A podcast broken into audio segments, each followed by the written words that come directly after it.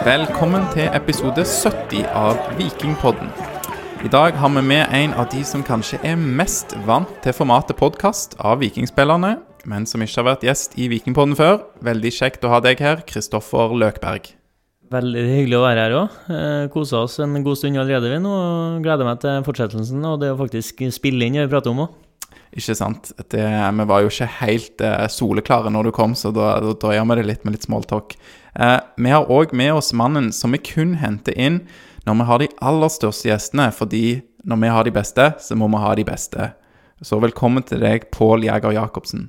Tusen takk. Jeg tenkte faktisk jeg skulle nevne det du sa sjøl, at det virker jo som dere kun henter meg til finere selskap. Men det liker jeg. Det Ja. kan vi godt fortsette med. Du skal få slumma det med oss en eh, søndag òg, etter vi evaluerer en kamp. Så ja, så får du kjenne hvordan vi, hvordan vi har det når vi ikke har eh, fine gjester.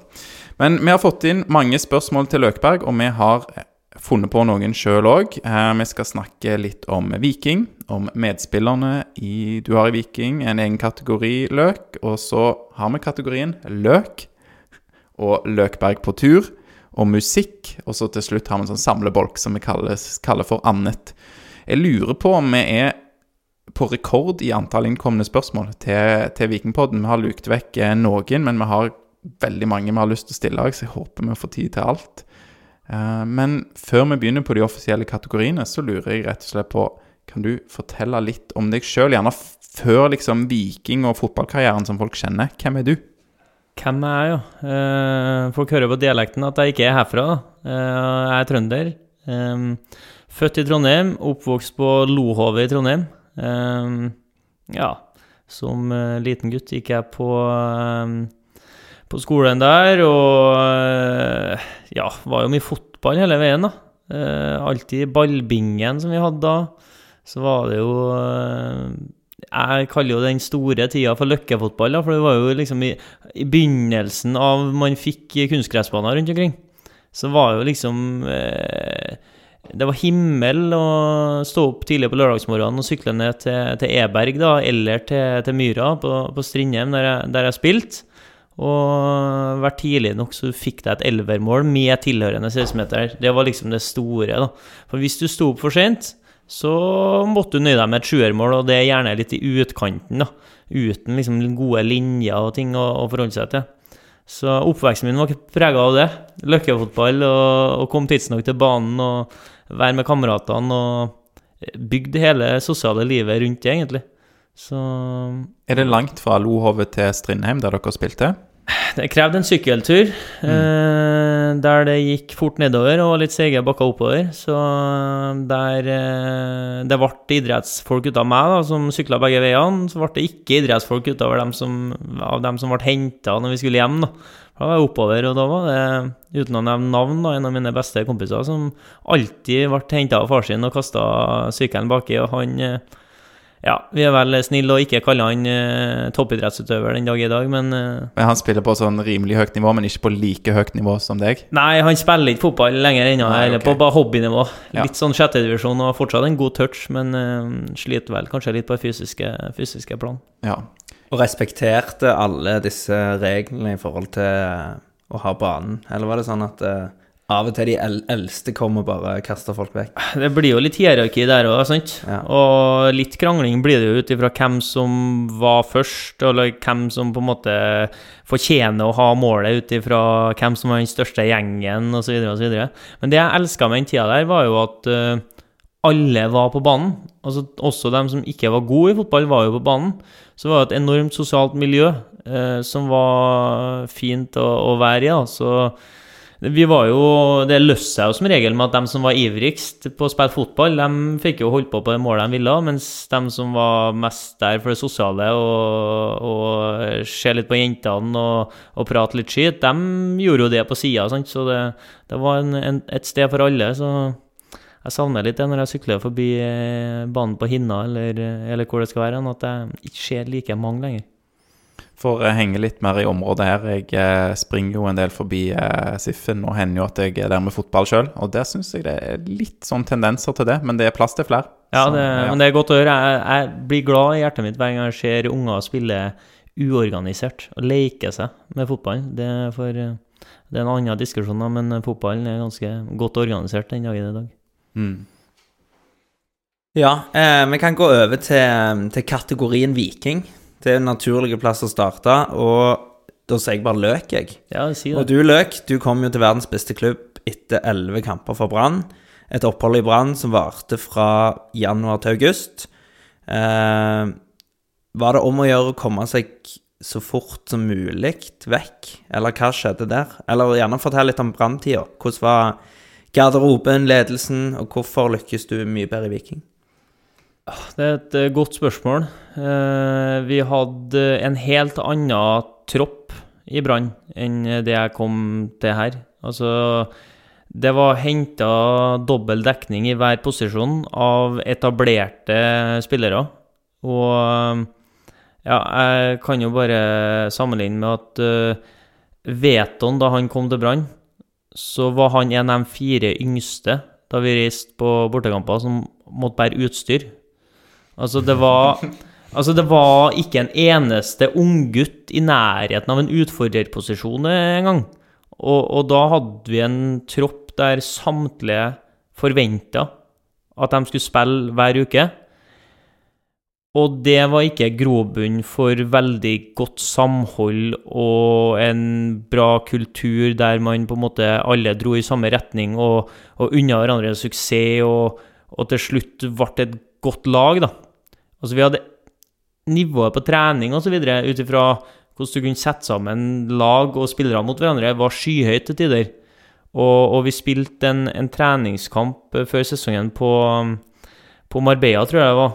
Og mange av guttene i, i Viking forteller meg om den kampen den dag i dag, for at den var jeg med og så.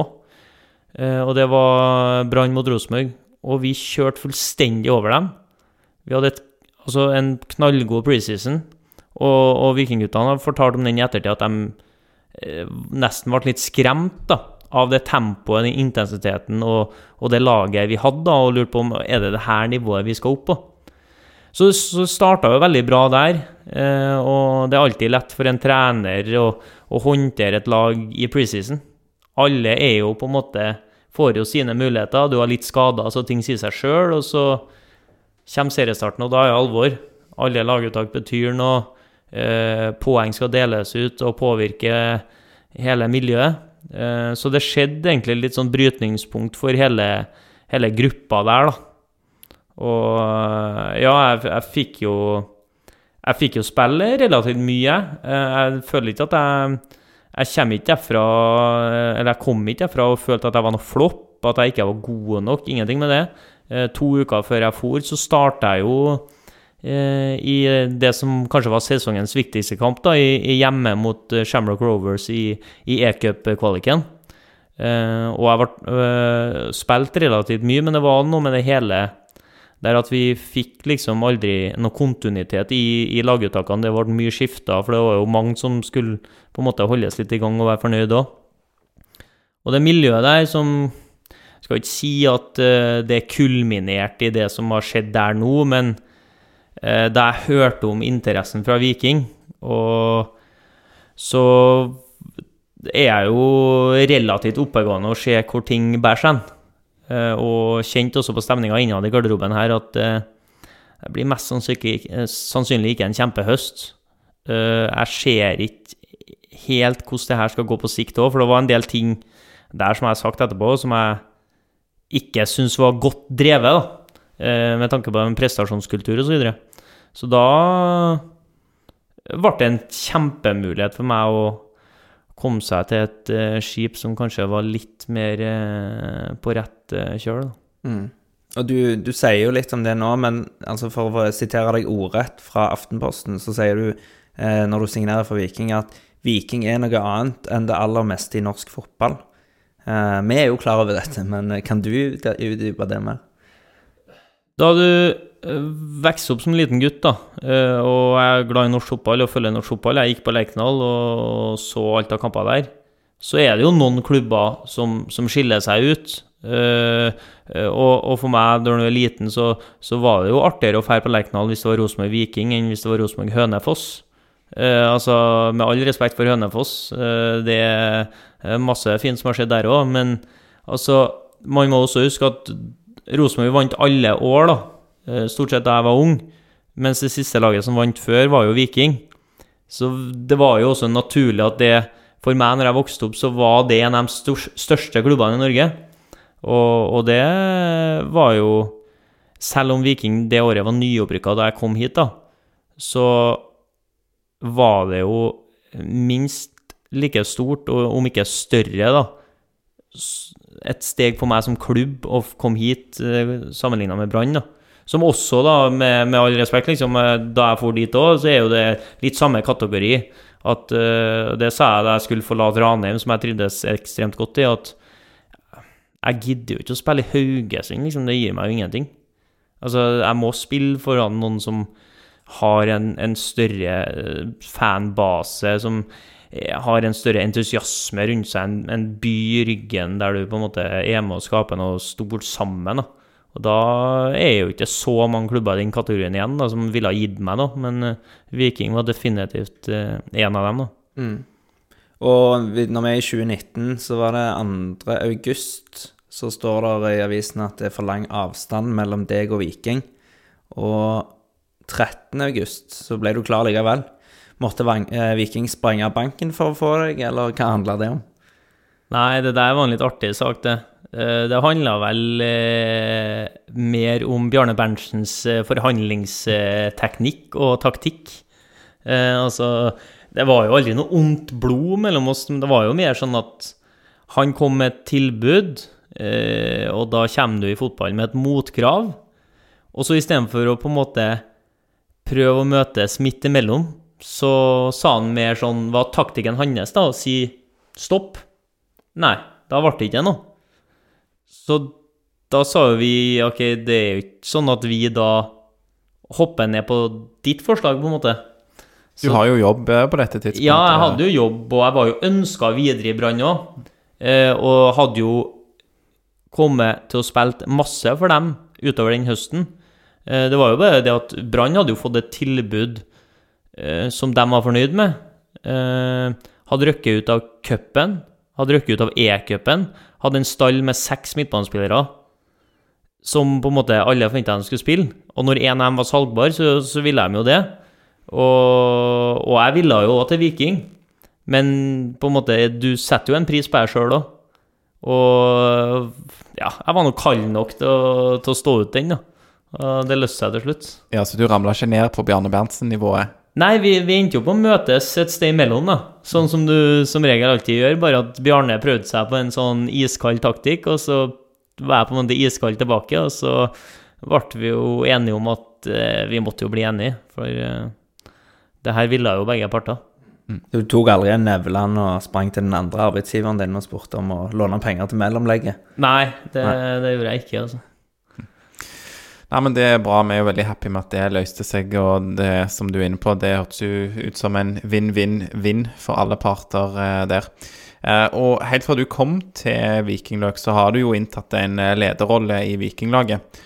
Eh, og Torjar Meling, han skriver Han er for øvrig eh, en av de som driver denne podkasten, men han er ikke her i dag. Eh, han skriver at han personlig kan huske at du var en veldig markant og, og hørbar ja, spiller når du kom inn, og at han ikke kan huske å ha sett noen som var mer markant og hørbare enn du når du kom inn i din debutkamp i 2-1-seieren mot Sarpsborg i 2019. Eh, hvor bevisst var du på, på denne lederrollen? Altså, Føler du at det er noe som forventa, er forventa av deg, og du er bevisst på det, eller faller det seg mer naturlig? Det faller seg ganske naturlig, for det er sånn jeg er. Eh, og det er jo en av eh, styrkene mine som spiller, da. Eh, før kamp, under kamp, etter kamp, altså i hverdagen. Og Bjarne var veldig tydelig på det at han hadde sett det lenge, at det var en av styrkene mine, og det det han først og fremst var ute etter i meg. Han var ikke så opptatt av Altså, ja, selvfølgelig, han eh, ser jo helheten som spiller, men han var først og fremst ute etter den ferdigheten i sitt lag for å komplementere elveren, på en måte. Eh, For at fotball er jo et veldig komplekst spill, der du skal sette sammen en elver til å bli best mulig. Du skal ikke bare hive på dem elleve beste, og så blir det automatisk eh, en seier. Så han ga meg tillit, da. Eh, Allerede fra første samtale der han hadde sett det, og sa at derfor henter vi deg. Og med den tabellsituasjonen som var, så kunne jo ikke jeg vente to måneder med å bli trygg nok til å ta en sånn rolle. Altså, vi måtte jo vinne, vi, hjemme mot Sarpsborg. For det var jo seks kamper uten seier før det, og, og kvalikplassen i hvert fall var jo faretruende nær, og Sarpsborg var vel rundt, den, rundt oss på tabellen, vil jeg tro. Og da, da Det er jo veldig spesielt. Jeg kom jo på trening dagen før. Altså, Første gangen jeg hilste på folk, var jo dagen før. Det føltes jo litt som å møte opp på kretslaget, der du kom fra forskjellige klubber, så spilte du kamp dagen etterpå, og da må du bare ta din plass, på en måte. Men, eh, men Bjarne skal ha masse ros for at han ga meg den eh, tilliten, tryggheten, og så samtidig krevde han at jeg bare Altså, du må begynne i dag, på en måte. og For du gikk rett inn og starta den kampen mot Sarpsborg. ja, det var en firkant, og så var det samles i midten på trening, og så sa han laget, og der jeg, skulle jeg spille eh, sentral midtbane, og så hadde vi ti minutter eh, taktisk, og så gikk vi i dusjen, og så for jeg tilbake på hotellet og venta bare på at eh, ja, kampen skulle komme dagen etterpå. Ja, det er jo helt nydelig. Og når man ender opp med å vinne òg, så er det jo Ja. Det er vel noe som mange, mange husker som er glad i Viking. Ehm, men uh, for å snakke litt mer om denne, denne snakkingen, eller uh, skrikingen, da, som uh, en har kalt det her. en, en innsender, Bjarte Østebø, han heter Bostebo på Twitter, han sier at både eksperter, supportere og spillere snakker stadig om denne skrikingen til Løkberg. Eh, har du noen morsomme historier fra kamp eller trening om med- eller motspillere som har fått nok i hermetegn, eller kommet, kommet med andre tilbakemeldinger på at du er så vokal da, på banen? Ja, altså det tok vel eh, 12 minutter og 50 sekunder i første treningskamp for Brann før jeg fikk eh, shut up fra Bamba. Eh, men der var jo Lars Arne hadde jo bare Han sa jo at det er bare å plage han der, liksom. Han må vi på en måte få til å, å presse når vi vil, eller flytte seg høyre når han skal høyre, og venstre når han skal venstre. Så og det, og det bryr jeg meg veldig lite om. Og også medspillere som bare eh, på en måte holder kjeften din, liksom. Enkelt og greit, for de kan jo bli lei. Men uh, stort sett tror jeg de setter pris på det. Uh, motspillere så kan jeg innrømme at jeg provoserer dem noen ganger med vilje. Altså, hvis jeg vet at de plager seg, hvis, hvis de har sagt 'hold kjeften, hold kjeften din' til meg en gang, så, så er det jo ikke noe tvil om at jeg skal rope høyere neste gang. Gjerne på noe mer usaklig. Eh, gjerne liksom rett attmed øret deres, liksom. For da har jeg jo et mentalt overtak, og da koser jeg meg skikkelig. Så, og, og tribunen òg, hvis det er noen som bemerker seg det på tribunen altså, Vi spilte borte mot Stabæk på Nadderud, eh, om det var i fjor eller forrige fjor. Eh, så er det jo noe stopp i spillet, sånn, så, er, så sier jo jeg noe, eller hva det var, og så hører jeg jo en mann som stadig skal rope 'hold kjeften din, hold kjeften din', og noe sånn et eller annet om eh, meg og mitt, da.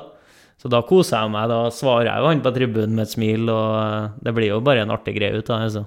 Ja, ble det litt bedre stemning da med han på tribunen, eller var det Ja, det var jo andre rundt som flira, da. Ja. Så det er jo det Folk i norsk fotball er jo stort sett eh, fryktelig fine sånn sett. Det er jo, koker jo litt i kampen som heter, men det er jo bare trivelige folk som ser på, og som har litt glimt i øyet, stort sett. da. Er, du sier jo på banen, men altså Jeg tenker spesielt på tribunen. For første gang jeg sneik meg med dere i Vikingpodden på prestetribunen, så satt jeg rett bak deg. Og Da merker jeg jo at engasjementet er jo ikke bare på banen, det er jo på sida òg. Tror det er noen av motspillerne nede på banen som tenker sånn Pokker, der er han igjen, til og med skada. Så fortsetter han. Det kan jeg se for meg. Og sikkert noen som tenker sånn "F- Når skal han gi seg, eller han kan bare slutte med det hva er, og, og irritere seg over det. da. Eh, Men som sagt så syns jeg Da koser jeg meg bare mer. Og for dem som syns at det er teit eller lamt eller hva det skal være, så ja. Hvis eh, alle hadde snakka litt mer på banen, kunne jeg snakka litt mindre. Da hadde vi blitt litt bedre. Men eh, fortsatt for knyst på norske, norske fotballbaner. Noen er jo ikke rett og slett så eh, gode i norsk, og kan i hvert fall ikke bidra eh, på norsk med en gang de kommer til, til Viking og andre lag. Men uh, vi, har jo hørt bl.a. fra Joe Bell, som har vært gjest tidligere i Vikingpodden, at uh, han virka å være bedre i trøndersk enn stavangersk. Uh, da lurer Beate Østebø på igjen hvilke ord er de første du lærer nyankomne utlendinger på laget? Jeg, jeg må si til dem at alene betyr at du er alone, da. Og det er jo relativt likt. Eh, og så er det venstre-høyre. Eh, det er viktig. Eh, ellers så, så har jeg lagt til meg litt fraser på engelsk, men det skal jo sies da at det på en måte folk opplever som kauking, da, eh, roping, kall det hva du vil, det er jo bare en liten del av det jeg kommuniserer på banen. For den viktigste kommunikasjonen er jo alt det som skjer i på en måte mer konstruktive, rolige former i og rundt situasjoner til dem som er rundt meg på banen. Og det er jo ikke alle som plukker opp da, eller får med seg. Så, så det er jo mye mer på en måte kan kalle det gnag, eller hva du vil. da. Mm. Uh, men uh, jeg tror nå hjelp, da. Jeg er ganske sikker på at Ja. uh, mange syns det òg. Og, ja, og det var jo eh, gode, gode svar du gir der. Eh, et annet riktig svar ville òg vært omstilling.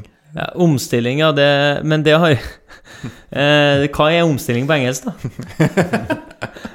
det, det, det husker jeg. det er Altså, Bjarte og han sliter litt med eh, å finne alltid de engelske ordene. her. Morten er jo Han studerte i USA og må kanskje være den som finner det, men eh, Kanskje adapt, altså tilpass litt ja, det samme. Ja.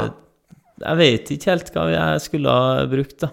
Vi tar eh, Vikingpoddens språkspesial en annen gang, og så eh, ja, får omstilling være noe de lærer seg. Det, det er fornuftig. Det høres fint ut. Um, det ble jo, som vi snakket om, så ble det eh, altså Når du kom til Viking, så ble det en ekstremt god første sesong. Uh, men så har det ikke bare vært sol og fest og glede hele veien. Uh, etter en vanskelig sesongstart så gikk Bjarne Berntsen ut og påpekte på deg og dine feil som gjorde at Viking tapte. Og så ble det litt skriverier og ordvekslinger i avisene. Eh, hva skjedde egentlig der, og hvordan påvirka det forholdet mellom deg og Bjarne? Eh, Det påvirka ikke forholdet vårt nå, eh, egentlig. Altså Jeg var uenig i måten han tok det på en måte offentlig på. Eh, Som prinsipielt så, så tar du jo alt sånne ting innad, da. Eh, Med mindre sånn ekstremt usportslige ting eller unødvendige eh, rundt oppførsel og sånne ting, da.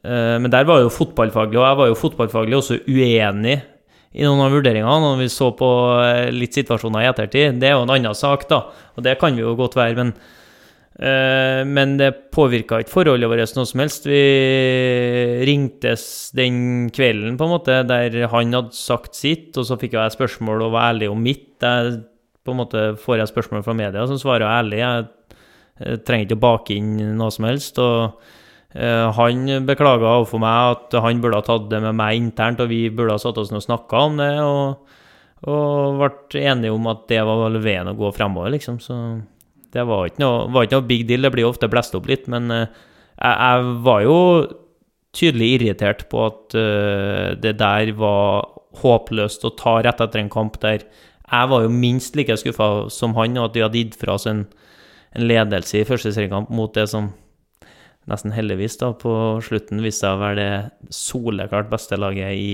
i landet. Og da skjedde i ettertid, var kanskje ikke prestasjonen vår så dårlig likevel. For dette var et 4-2-tap mot Bodø-Glimt hjemme første serieomgang 2020. Ja. Ja. Og vi leda vel eh, 2-1 til pause. Mm. Og så hadde jeg jo en pasningsfeil som ble 2-2. Jeg husker jo det meste av kampene, så jeg kan sikkert gå gjennom målene i hodet mitt tusen ganger. Et par pasninger etterpå så var det mål, og så var det noe med at han mente at eh, de hadde spilt seg for lett gjennom og mellom oss, da. Eh, Det er i mitt hode at det handla mer om helheten enn om meg personlig, da. Men eh, vi Det- fant ut av det. Ble dere sjokkerte over Bodø-Glimt sånn generelt på laget i Viking innad den sesongen? Ja, eh, altså Den sesongen de hadde i fjor, er jo er noen som har tatt flere poeng i snitt enn dem. Liksom. Jeg husker ikke hvor de endte opp til slutt. Det, de eh, omtrent var jo rute til 90 poeng en periode. liksom, Det var helt vilt. Det var et tog som aldri stoppa. Mm. Og måten de spilte fotball på, var ja, bare ta av seg hatten. Og det er jo det nivået vi jakter og vil komme oss opp på.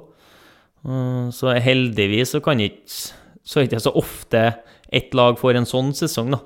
Men uh, nei, vi var Alle til oss var mektig imponert over det. Og vi visste at når vi skulle opp til Bodø i siste runde, så ble det tøft, ja. Så får vi prøve å lære noe av det, eh, Viking, og ser at det er mulig å kunne ta de stegene. Det er akkurat det. For meg så er jo sånne, at sånne lag tar gull, eh, den største inspirasjonen til at, eh, som forteller meg hvorfor i all verden skal ikke vi ta gull? Mm. Altså Hvorfor i all verden skal ikke Viking komme til Europa ja, oftere enn en gang i skuddåret, skulle jeg si, eller enda, enda sjeldnere? Det er ikke noen grunn til det. Det er jo bare opp til oss sjøl. Så det, det er mer sånn motiverende enn at det er så lett å si når Molde vinner, at pengene vinner, på en måte. Så lett å si når Rosenborg vinner, at ressursene vinner. Mm. Men når Bodø-Glimt vinner, så, så vi ikke Vi har ikke noe argument annet enn for at hvis du utvikler laget ditt godt nok over tid, utvikler klubben din godt nok over tid, så kan du få til alt du vil. Men du må jo evne å stå i det over tid, da. Vi skal komme litt tilbake til dette med å ha, ha gull som ambisjon, og det har blitt uttalt eh, av eh, Joe Bell i det siste, og det kommer vi litt tilbake til. Men bare ikke slippe dette helt med, med Bjarne Berntsen, for det, vi har jo lest at det var litt eh, uenigheter, kanskje mer i lengden òg i 2020-sesongen, om eh, retningen eh, sportslig og, og evnene Bjarne kanskje hadde til å ta Viking det eh, neste steget videre. Kan du, kan du si noe om det, nå som det har kommet litt på avstand? Jeg, jeg tror nok uh, at uh, alle uh, innad i klubben var veldig enige at timinga var god for at Morten og Bjarte skulle overta. Eh, det tror jeg òg at Bjarne sjøl var, uten at det kom fram. Jeg tror det var mer den der Grunnen til at det ble veldig mye negativitet rundt det og ble kommunisert dårlig rundt det, var jo at Bjarne ikke fikk den sportslige lederjobben som han ønska seg. Mm. det at han skulle ta et steg tilbake fra treningsfeltet og la Morten og Bjarte ta over større del av den, eh, større del av den jobben, det var jo han sjøl òg interessert i. Og hadde gitt på en måte klarsignal til klubben på at den duoen her, de er klar. Og, og det kjente jo hele gruppa på at på en måte, Det å være assistent til hovedtrener, du får jo aldri som assistent eh, sette kronen på verket. Og alle guttene i gruppa var veldig trigga av å se mulighetene i at de kunne også få sette kronen på verket. For vi visste jo hvor dyktige de var i hverdagen, på feltet. Deløvelser, eh, input til enkeltspillere osv. Um, så, det, så det var det aldri noe tvil om, egentlig. Og så ble det jo en kjedelig sak, for at Bjarne har jo lagt en grunnmur som er uvurderlig viktig. Altså, han eh, bygde et Viking tufta på mer lokale spillere, eh, på ydmykhet, lojalitet, hardt arbeid. Og det er ingen som er stjernenykker som har plass i garderoben vår. Og det er jo Bjarne også sin fortjeneste, at han rydda jo opp i det og satt en kultur for at sånn har vi det. Og, og suksess kommer først og fremst av hardt arbeid i hverdagen. Og, og den gruppa han skapte av lojale, hardtarbeidende, ydmyke gutter, den er der ennå. Og så tror jeg og vi at Morten og Bjarte med en annen innfallsvinkel på det fotballfaglig, kan ta det enda et steg videre. Eh, Og det var det klubben nå så, da. Og, og så muligheten for. pusha spillerne på for at eh, den endringen måtte skje, og at den måtte skje da i slutten av eh, 2020? Nei. Ingenting. Nei. Eh, vi eh, eh, Vi hadde ingenting med det vi skulle ha sagt. Vi, vi var noen som ble spurt, på en måte, om vi trodde at Morten og Bjarte var klar for det. Om vi trodde at de var klar for å ta hovedansvaret, eller om de var avhengig av en type som Bjarne rundt seg. For at det var jo et komplementært team. De utfylte jo hverandre veldig bra. Mm. Så det var eneste vi var, ble spurt om vi trodde på det. Og, Ja. og da sa vi ja. Men eh, det var jo kun støtte til den duoen, og ingen på en måte saging av, saging av Bjarne. Skjønner. Ehm, gode avklaringer der. Vi går nå inn i en sånn liten bolk her eh, der vi tar litt sånn denne good cop, bad cop. For vi har fått inn et par kritiske spørsmål, og du skal få lov til å være bad cop, eh, Pål. Heldig med den. Jeg Kler meg fint, det. Ja. Ja. Um, men uh, jeg skal først spørre et veldig hyggelig spørsmål fra Asbjørg Stråtveit, som heter Asbjørg1992 på Instagram. Hun sier Løkberg er favoritten til guttungen på fem. Eh, og Lars, da, som er fem år, lurer derfor på om Løkberg blir i Viking, selv om han er god. Og så er det noe sånn latter-emoji, da. Men eh, så sier Asbjørg videre at eh, Lars var veldig lei seg når f.eks. sønn av Siv, eh, Torstvedt, eh, stakk. Så, så vi vil jeg ha en uttalelse på om du, eh, om du kommer til å bli, selv om du er god. Eh, og hva er hans beste råd, altså dine beste råd til Lars da, for å bli god fotballspiller? Det var veldig hyggelig, da. Eh, Det er jo noe av det kuleste, syns jeg, med å ha på en måte vært så heldig å bli fotballspiller på heltid. Det å få være den personen som jeg sjøl så litt opp til på en måte da jeg var liten. Og det å på en måte skrive autografer, ta bilder med barn og unge, det syns jeg, jeg er kult, bare og artig. Og rett og slett, du blir litt stolt av at man, de ser opp til deg. Eh, Men jeg signerte jo en ny kontrakt, da. Forlenga med to år. og det skal Jeg tror Bjørne må på en måte rive den i to, eller på en måte finne på en grunn til at jeg må fære hvis jeg skal fære før den tid. Så han blir vel tøff å ha med i forhandlingene igjen, tenker jeg, om to år. når jeg ville jo enda et år, da, så sa han at han skulle Nei, det var noe med policyen når man begynte å nærme seg 30.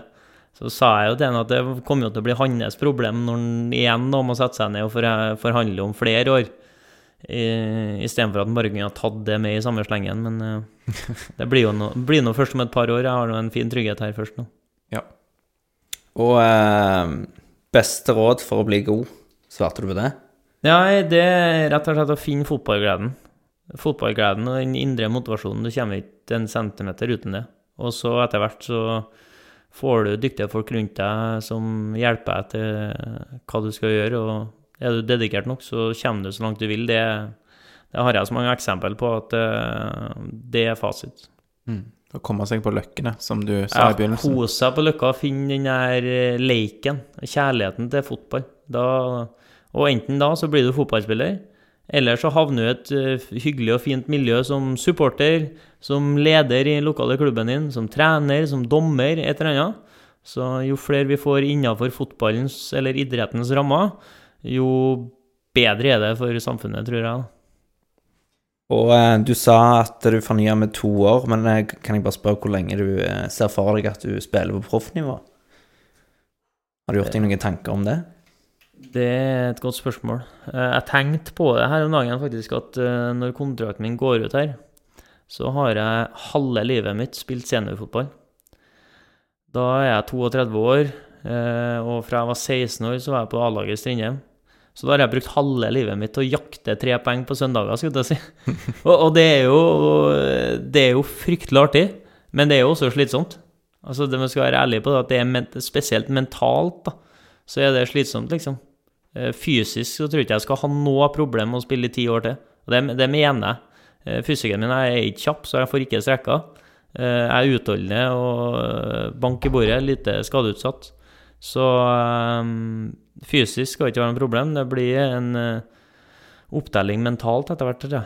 For jeg, jeg tipper at jeg kommer til å gå trenerveien nå, og da hvis jeg skal da konstant jage trepoengere i, i 30 år til, så blir ikke jeg gammel, tror jeg.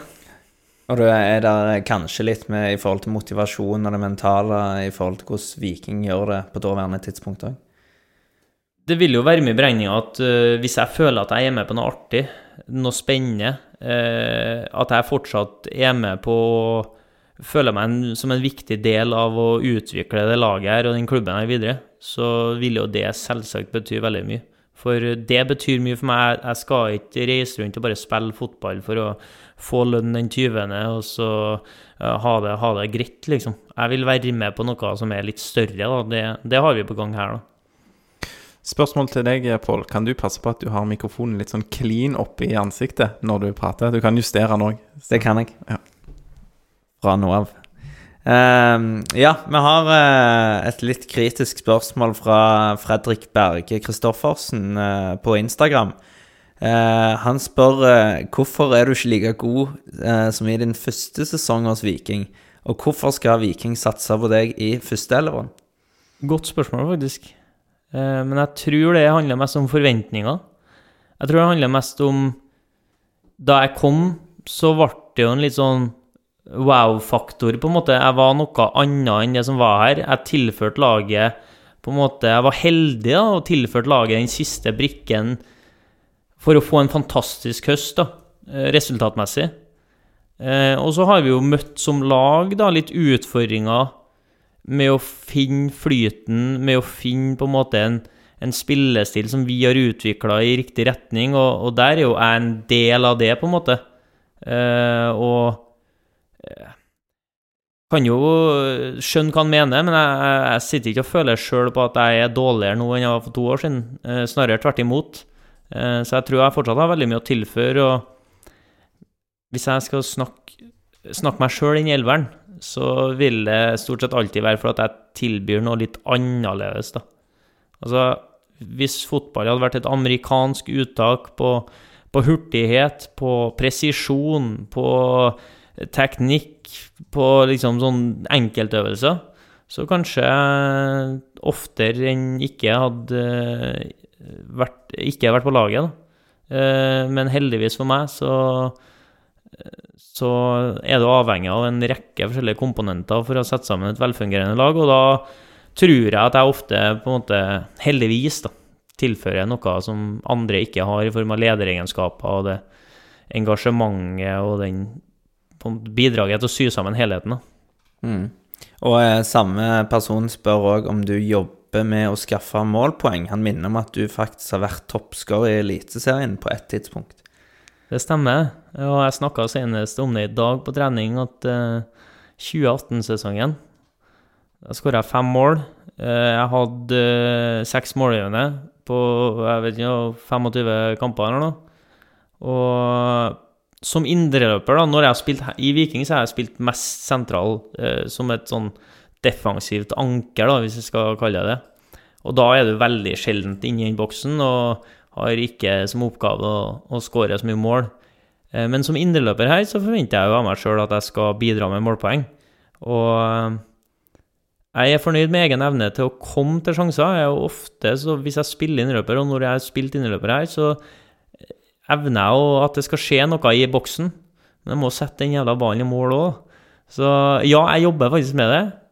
Må stå igjen litt mer etter trening når man vet man har den rollen til å, prikke litt skudd og finne den godfølelsen. For uh, jeg er enig, det må jobbes med. Som indreløper så skal du skåre mye Viking. Vi er et offensivt lag, skårer mye mål. Så jeg kan love målpoeng i høst. Åh, oh, det er bra. Veldig fint. Det ser vi fram til.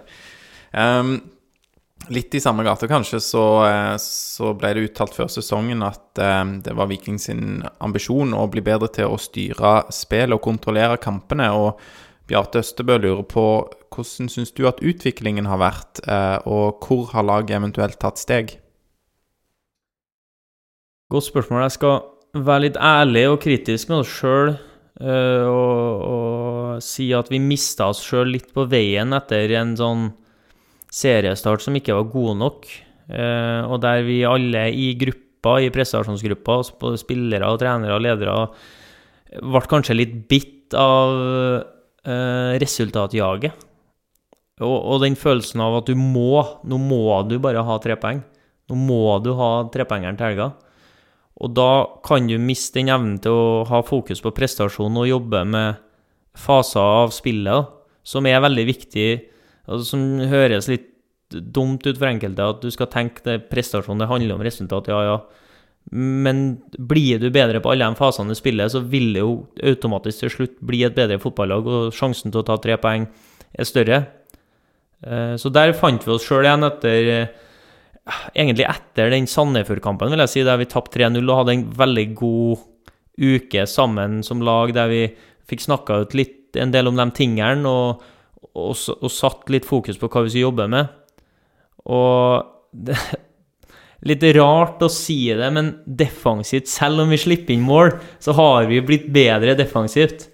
Strukturmessig i det høye presset, men også når vi velger å legge oss skikkelig lavt, så er vi bedre i samhandlinga. Men Ja, det høres så rart ut, vi har sluppet inn altfor mye mål. Men det har vi blitt bedre på. Å på en måte kontrollere litt kamper på den måten. Uh, Skjedde kanskje litt med resultatet av når det f.eks. stormer litt mot, mot Rosenborg på slutten, at vi Ja, vi har altfor lite ball, uh, men vi evner å stå imot, på en måte, da. Uh, den, den, biten der. Og, og, og, det å dominere kamper med ball er jo kanskje der vi har mest å gå på. Mm. Og der vi også sjøl ønsker å bli enda bedre. Men det er jo også det vanskeligste i fotball, da, med mekanismene som alltid slår inn. Både i hodet og ja, til begge lag. Når Det er jo spesielt på slutten hvis du leder, da. At du Det er deilig å ha 20 pasninger i laget og kjent at de har sprunget, men eh, det er noe som skjer der i spill-motspill som er vanskelig å kontrollere. Det er vanskelig, ja, og i individuell idrett så kan en god tennisspiller på en måte resette og klare å, resette sitt eget spill, men du klarer kanskje ikke å resette elleve mann og samhandlingen eh, selv om man ønsker det. Så ja. Men i den nevnte Rosenborg-kampen så, så, ser vi jo at dere eh, har mye ball og holder mye ball i laget. og ja, klarer, klar å spille bakfra, trille ball. Da var jo Henrik Heggheim eh, var veldig god, syns jeg. Men så frykter jeg litt at det er motstanderlaget som lar dere gjøre det. Um, har du noen tanker, eh, tanker, rundt det? Altså er det Kommer noen lag til, til Vikingstadion eller S Bank Arena og er fornøyd med å la Viking holde litt i ball, og det som gjør at det går an? Det kan være uh, at de ser at vi historisk sett da, har slitt litt mot etablert forsvar. vært mer et typisk kontringslag. men der føler jeg at vi også har tatt gode steg, da. Og jeg syns at uh, eh, f.eks. inntreden til Arild i mål uh, har bidratt til et, et godt igangsetningsspill bakfra. Uh, hvis man legger merke til det, så er han veldig dyktig til å kaste over ledd. Sette i gang kontrollert på back, f.eks. Uh, gjør valgene ofte bra om en skal, skal slå den lange uh, opp, eller om en skal ta med seg nevnte Heggheim, eller hvem det er bak der, da. Uh, som han har fått litt for lite, lite ros for, da, for keepere blir jo stort sett målt på at de, de slipper inn mål. Men, men, for oss som lag så har vi tatt steg på det uh, siste måneden. Syns jeg kanskje spesielt. Da. Og det, det, har jo også Det kommer jo at vi har uh, valgt å ha litt fokus på i treningshverdagen, i den taktiske inngangen mot kamp, at vi har ikke Torstein med nå, f.eks som er en go to-guy når du skal slå den lange femmeteren, for han vinner den ofte. Eh, da er du avhengig av å kanskje prøve å spille deg fri på en annen måte. Og, og der skal Morten og Bjarte ha veldig mye ros da, for å eh, tenke mye på sånne ting og på en måte jobbe med de detaljene. Og, og, alle sånne faser av spillet er, er viktig for å, å, eh, sette sammen en god kamp til slutt. da. Mm. Um, for deg personlig, eh, Løk, så var du nylig ute med skade i nesten to måneder. Um, hva gjorde du på når du var skada, og er dette ditt lengste skadefravær uh, ever? Det er mitt lengste siden 2015, nei, 2016, det er fem år. Uh, for jeg sleit med jumpers 9 en del sesonger, og i 2016 så så øh, strakk jeg et sidebånd i kneet, og så ble jeg ute en del uker. Og så fant vi ut at i forlengelsen av det skulle jeg operere, prøve å operere for Jumpers 9. Så da var jeg faktisk ute sammenhengen i ni måneder. Uh, det er mitt lengste. Uh, men nå det ble fra å stoppe ei kontring borte mot Lillestrøm i en, det som var en god kamp av oss. Det var vel siste laget som vant på Åråsen, tror jeg. De, nei, de tatt mot Bodø-Glimt hjemme, ja. Et, nå nylig. Ellers så hadde de jo laga et fort der du føler kanskje enda tettere Lillestrøm enda tettere enn oss som har et par kompiser der. Ja, gode kompiser der. Artig å se at de to personlig, eller i hvert fall Gjermund, eh, lykkes. Eh, men da ble det litt lengre avbrekk enn jeg trodde når jeg våkna dagen etterpå her. Eh, kjente det var litt vondt i, på utsida av kneet, og så Ja, da frykta vi det verste plutselig, så det var sånn berg-og-dal-bane. Første dagen frykta jeg ikke noe langt, og så hadde Fyso og Halvard da, kjent litt på kneet og frykta omtrent hele sesongen. Og så fikk man svare på bildene, og så tenkte at eh, ja, må i hvert fall bruke to gode måneder. Og da er det sånn Du bruker den første dagen på nullstill og bare komme over at nå må du faktisk sitte hjemme og se på kampene, som jeg syns er det verste. Eh, og det å sitte og se på på tribunen og føle seg sånn hjelpeløs. Eh, når du kommer over det, så tenker du bare at nå skal du trene godt. Eh, den dagen du kommer tilbake og får på en måte grønt lys til å komme på feltet igjen, så skal du være så fit at du kan spille ganske fort. da. Eh, Så det klarte jeg jo. Jeg trente jo tre treninger med ball før jeg spilte mot Odd. Eh, Så da på en måte var jeg fornøyd med den jobben jeg hadde lagt ned i den perioden for å være, være relativt klar da, når man først fikk muligheten. Mm. Men det, og det er jo litt sånn å være et forbilde overfor de yngre spillerne i, i klubben òg. At er du skada, så krever det mer av deg. Det krever at du, du trener ekstra. Du skal på en måte hige etter å, å utvikle enten styrke eller utholdenhet eller hva det skal være, da, og, og bruke den perioden enda bedre enn dem som har en annen type treningsuke som handler om å restituere og være klar til neste kamp. Det ble jo en god periode òg når du kom tilbake. Det ble jo tap mot Odd, som du nevnte. Da starta du. Og så har det jo blitt eh, er det seks kamper eh, med seier og én uavgjort der, så det er jo en god Ja, det har periode nå. vært eh, Starten på høsten, hvis vi skal kalle det det, har vært veldig fin. da. Så kommer det nå en periode nå som er på en måte litt sesongdefinerende for hva vi skal finne på til slutt. Mm. Og eh, etter Rosenborg-kampen så sa Joe Bell til Vikingpodden at eh, tittelen nå må være et naturlig mål. Eh, hva tenker du om det utsagnet?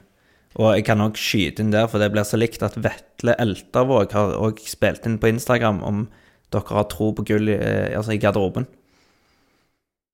Jeg tenker at det er kult at Joe sier det han mener, og sier det han tenker. Eh, men det er ikke sånn at vi sitter i garderoben og verken tenker på gull eller snakker om gull. Um, Litt. Nei, det er faktisk ikke litt engang. Jeg må skuffe folk der, altså.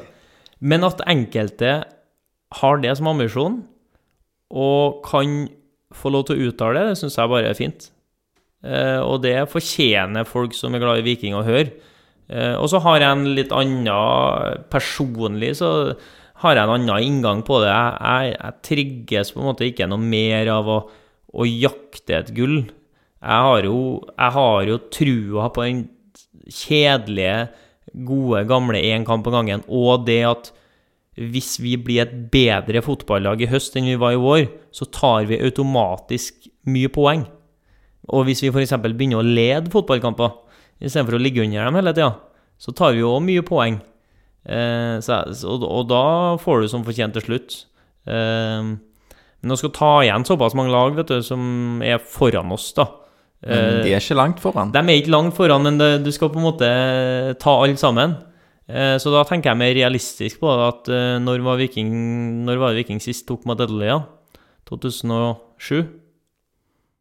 Ja, husker jeg ikke. Ove Røsler 2007? Det høres riktig ut. Jeg hadde akkurat en gjennomgang av 90-tallet. De tok vel en bronse der òg, og etter 91 Ja, men uansett. Ja. Så, og, og hvis vi kunne ha oppnådd det, som også er realistisk hvis vi kommer oss på det nivået vi, vi kan være, så hadde jo det vært eh, starten på noe veldig, veldig bra. Er det, er det litt motiverende at du liksom kan ta igjen kompisene dine i Lillestrøm og snyte de for Conference League-kvaliken? Ja, altså, jeg, jeg har jo eh, et håp om at vi skal komme foran dem til slutt. Det blir litt bragging rights i, i gymsalen på Charlottenlund i, i jula når vi skal spille futsal der. Så er du avhengig av å ha noe, å- noe å komme med. Hvis ikke så blir du veldig liten veldig fort. Og hva gjenstår sånn, eh, hvis du skulle sagt noe konkret som gjenstår før Viking kan melde seg på i tittelkampen? Vi kan jo ikke drive og slippe inn så mange mål som vi gjør, da. Eh, hver sesong etter jeg kom, så har vi vært blant de mestskårende og, og produserer nok og skårer nok. Eh, og så handler det om at da som lag så må vi holde motstanderen unna boksen vår i større perioder. Og, og det handler jo ikke bare om det defensive. For meg så er det like mye det offensive, og det vi snakka om tidligere, at hvis du evner å dominere kamper med ballen, så, så vil det jo være svært mye vanskeligere for motstanderen å skåre hvis de ikke har ball. Det er umulig, det. Ja, det er bra. Mm. Um, Ja, um, vi tar et eh, litt annet spørsmål. Eh, Bjarte Østebø igjen, som for øvrig har sendt inn flest spørsmål til denne episoden. Han eh, lurer på altså Nå er vi i en eh, landslagspause, og hvordan bruker Viking landslagspausene når de ikke spiller kamper? Hva fokuserer og trener dere på i sånne perioder, eh, ja, som det kanskje ikke er tid til da når kampene kommer litt tettere? Det er gjerne litt uh, lengre økter. Uh, fysisk mer krevende fort. Uh, annen type belastning, sånn sett, Uh, men som Man prøver jo å ha en rød tråd i det man holder på med gjennom hele sesongen, og spesielt i perioder når man fokuserer på ting. Så, så selve innholdsmessig fokus på øktene er ikke så, så veldig annerledes. Eh, og så har jo en del lag tatt fri en hel uke, eh, og, de har hatt sine behov for det, mens vi hadde noen fine fridager i sommer eh, som gjorde at vi, vi tok fri fredag, lørdag, søndag, og fikk nok overskudd av det. For det handler jo om å tørre å ta litt fri òg. Det skjer jo ofte utenfra, så er det mange som tenker hvis du f.eks. har en dårlig periode, så må jeg, sånn som jeg sier, jeg må hjem og trene. Sant? Er Alltid må, må, guttene må på feltet og trene. Men eh, det Vi går oppå hverandre, da. Eh, Jeg vet ikke hvor mange dager i året. Og noen ganger så er det godt å slippe å se hverandre og, og være klar til med litt mer eh, energi på, på mandag nå. Så det var godt med frihelg, ja. Det var det. Og jeg så det på guttene òg, at mange har hatt det fint. I, Husk at vi har noen fra utlandet òg, som eh, vi hele gruppa spilte faktisk inn til, til trenerteamet at vi burde gi dem en ekstra dag fri. Sånn at de fikk reise hjem. Så det fikk de. Eh, Så Shane fikk sett familien sin for første gang etter han kom hit. Eh, David fikk fære og hente ting i Slovenia. Kevin fikk dra hjem til, til Stockholm en tur. Og jeg tror, sånne, jeg tror veldig på sånne ting. da. At det gir deg mer enn det å skulle stå og terpe 4-3-3 på feltet, liksom. Det, det har vi mer enn nok tid til. Så det vil gagne oss på høsten at uh, folk fikk en liten, liten break. Er det noe egentrening i sånn frihelger? Ja, vi, vi får alltid med oss et opplegg. Uh, og det kan være så enkelt som at det er én dag der du skal ha deg en joggetur. At det er en dag du skal ha en times løpetur, rett og slett. Uh, mens andre som kanskje har kommet tilbake fra skade, får to økter på de tre dagene. Og så, ja. Eh, Halvard da, er, veldig dyktig der, og er veldig nøye der òg på at eh, folk eh, gjør det de skal. Og, men det er jo tillitsbasert, da. Alt er jo tillitsbasert. Det må jo styres av det. Og hvis du får beskjed om å ta deg en joggetur på en fridag, hvor foretrekker du å springe her, da? Bare sånn tilfelle vi har med oss noen stalkere. Da springer jeg alltid den samme runden. Jeg må ha med meg fruen da, for å ikke springe for fort. For jeg på en måte Jeg trives med å pushe litt, da, og kanskje kjøre på litt eh, hvis jeg skal springe en mil, eller hva det skal være. da. Så da har vi oss en fin joggetur sammen, og da jogger vi ned fra leiligheten på Jåttå og ned i Jåttåvågen. Rundt det fine området nede på vannet der, og bort til Vaulenstranda og litt sånn, og tilbake igjen. En, eh, en sånn fast løype som er ca. nøyaktig 10 km. Mm. Eh, vi skal over på eh, et emne i forhold til medspillere. Eh, og Henrik Almås Bø har spurt oss på Instagram hvem er morsomst i garderoben, eller klovnen, om du vil. Det er to kandidater som skiller seg tidlig ut. Trym Ur, vår eminente keeper. Og så har vi eh, en up and coming midtstopper som heter Sebastian Sørli Henriksen. Som også er både frivillig og ufrivillig veldig morsom. Så Og det der syns jeg er litt interessant, for sånne folk i en garderobe er ekstremt viktig. Og etter en sesong, det mener jeg ganske bastant, at har du sånne typer, og selv om de ikke spiller, de utgjør noen poeng i lengden. Og det er liksom, de styrker helheten. Og mangler du dem, så, så mister du noe. Og det, i totalen, altså, det er jo flere hverdager enn kampdager. Og da er du ekstremt avhengig av hele troppen, og vi er heldige å ha de to guttene der, blant annet. Skal ikke skimse av god stemning. Nei, det er viktig, og eh, ja, vi har jo òg fått litt eh, inside eh, på ja, Sebastian Sørli Henriksen. Fordi hvordan ligger det an i det veddemålet du og han har eh, i Fantasy Premier League? Nei, Sebastian er en eh, veldig trivelig og god gutt.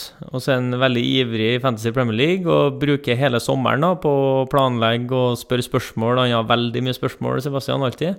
Og jeg svarer så godt jeg kan, og vi prøver å drøfte. Og så er jeg sjelden eller aldri blitt så skuffa som da han sendte meg laget sitt etter gameweeken. Altså når det var lost, liksom. For det var så dårlig. Altså, det var så dårlig satt opp. Og elendige prioriteringer. Så jeg, da brukte jeg lang Jeg sendte en lang tirade inn på Instagram, eller hvor vi kommuniserer. Og fortalte ham hvor skuffa jeg var. Og så var vi vel i gymmen en dag eller to etterpå. Og da var det flere der, så sa jeg at eh, ja, hvis du slår meg i fantasy, skal jeg gå hjem til Trondheim, se. Neste sommerferie. Et kjapt Google-søk sa jo meg at det tok eh, flere dager enn det vi å ha ferie. Så jeg endra til sykkel. da. At jeg skal sykle til Trondheim hvis han slår meg i Fantasy Premier League, og det står jeg for. Selv om en per dags dato er ett poeng foran meg. Oi. Ja, da, er det, eh, da er det jevnt, i hvert fall. Det kan ja, bli det, gøy. det er akkurat der folk sånn som Sebastian mister det, vet du. For at eh, fantasy er ikke en sprint, det er en, det er en maraton. Mm. Så det er bare å sitte stille i båten og forholde seg rolig, så vinner jeg ganske greit mot han til slutt. Men betyr dette at du eh, bruker òg en del energi på dette her? Altså, jeg har spilt det sjøl én gang, og jeg brukte jo to-tre timer i uka, og det var veldig slitsomt og hørte på podkast, så ja. Er du, er du på det nivået, eller er det litt mindre? Nei, jeg bruker en del energi og tid på det, ja. Uh, og vi har en, uh, en kompisgjeng i, i Trondheim også, som uh, på en måte fyrer hverandre godt opp og, og har den samme interessen for det. Så jeg bruker tid og energi på det, men de, gang, de gangene det går dårlig, så, så lenge vi får oss en trepoenger, så spiller jo ingenting annet en rolle. Så det er så deilig å ha den utgangen av det. Mens kompisene mine, de helga er jo ødelagt, sant. Mens jeg har alltid den muligheten til å få meg en trepoenger og være på topp i livet igjen, så det, det er deilig å ha. Du kan òg få deg en dobbeltsmell? Ja, dobbeltsmell, ja. De helgene orker ikke jeg prate om, og det vil ikke hun hjem tenke så mye på heller. Um, har du noen eksempler eh, på lagkamerater som er forbilder på ulike måter? Enten eh, for deg personlig, eller som fotballspiller, eller for unge, lovende fotballspillere. Eh, altså en liten mulighet til å kjemperose lagkamerater. Hvis jeg skal trekke frem én, så er jo Sebulonsen et naturlig valg, da. Eh, For han har gått den veien som jeg er litt ekstra glad i. At du, du må ikke innom akademiet til Viking eller Stabæk eller Vålerenga eller hva det er. Du kan gå veien med hardt arbeid i din egen lokale klubb og via A-laget ditt. Om det er Nå var jo han på en måte både heldig og dyktig at det var i andredivisjon og, og tredjedivisjon. Sånn ble en perfekt arena for han. da. Du må liksom ikke tvinges gjennom den samme tralten og trakta som, som alle andre, da, gjennom de akademiene og, og, og spille på de toerlagene eller hva det skal være, før du kommer opp, da. Så, og hans da og, og hans eh, personlighet og stil eh, bygger jo på dønn ærlig, hardt arbeid, på en måte. Han har lagt ned en ekstremt god jobb etter han, han kom til oss. Og eh, så god som han har blitt nå, det Han kan sikkert takke mange, men han må først og fremst takke seg sjøl, og jeg er jo glad i sånne folk, da. Og um, har du gitt noe råd til Sebulansen i forhold til midtbane, Vi snakka en del om det der, og han ble jo i en liten sånn squeeze, da. I og med at uh, dessverre så har Bjørshol vært litt skadeutsatt, og det starta med at på trening så måtte det, Vi var mange på midten, og det ble naturlig at han spilte høyreback. Han hadde jo en del kvaliteter som, som Morten og, og Betty så tidlig at uh, var mulig å, å, utvikle. Eh, og- og for en ung gutt som har vært vant til å skåre mye mål og spille litt spiss og hengende spiss og offensiv midtbane, så er jo det en omstilling. Eh, og da husker jeg vi hadde en sånn god samtale rundt det om hva han skulle gjøre, da. Og, da var jo mitt klare og tydelige råd til han at han burde gå all in for å satse på den rollen, for det er en krevende rolle. Og gode gamle dager, det at du Nei, han spiller back. Han sisten, han spiller back. Det er ikke sånn internasjonal fotball det lenger, heldigvis. Det er en ekstremt viktig rolle, defensivt og offensivt. Eh, veldig mye involvert. Og, og, det krever mye av deg eh, i posisjoneringsspillet, spesielt. da.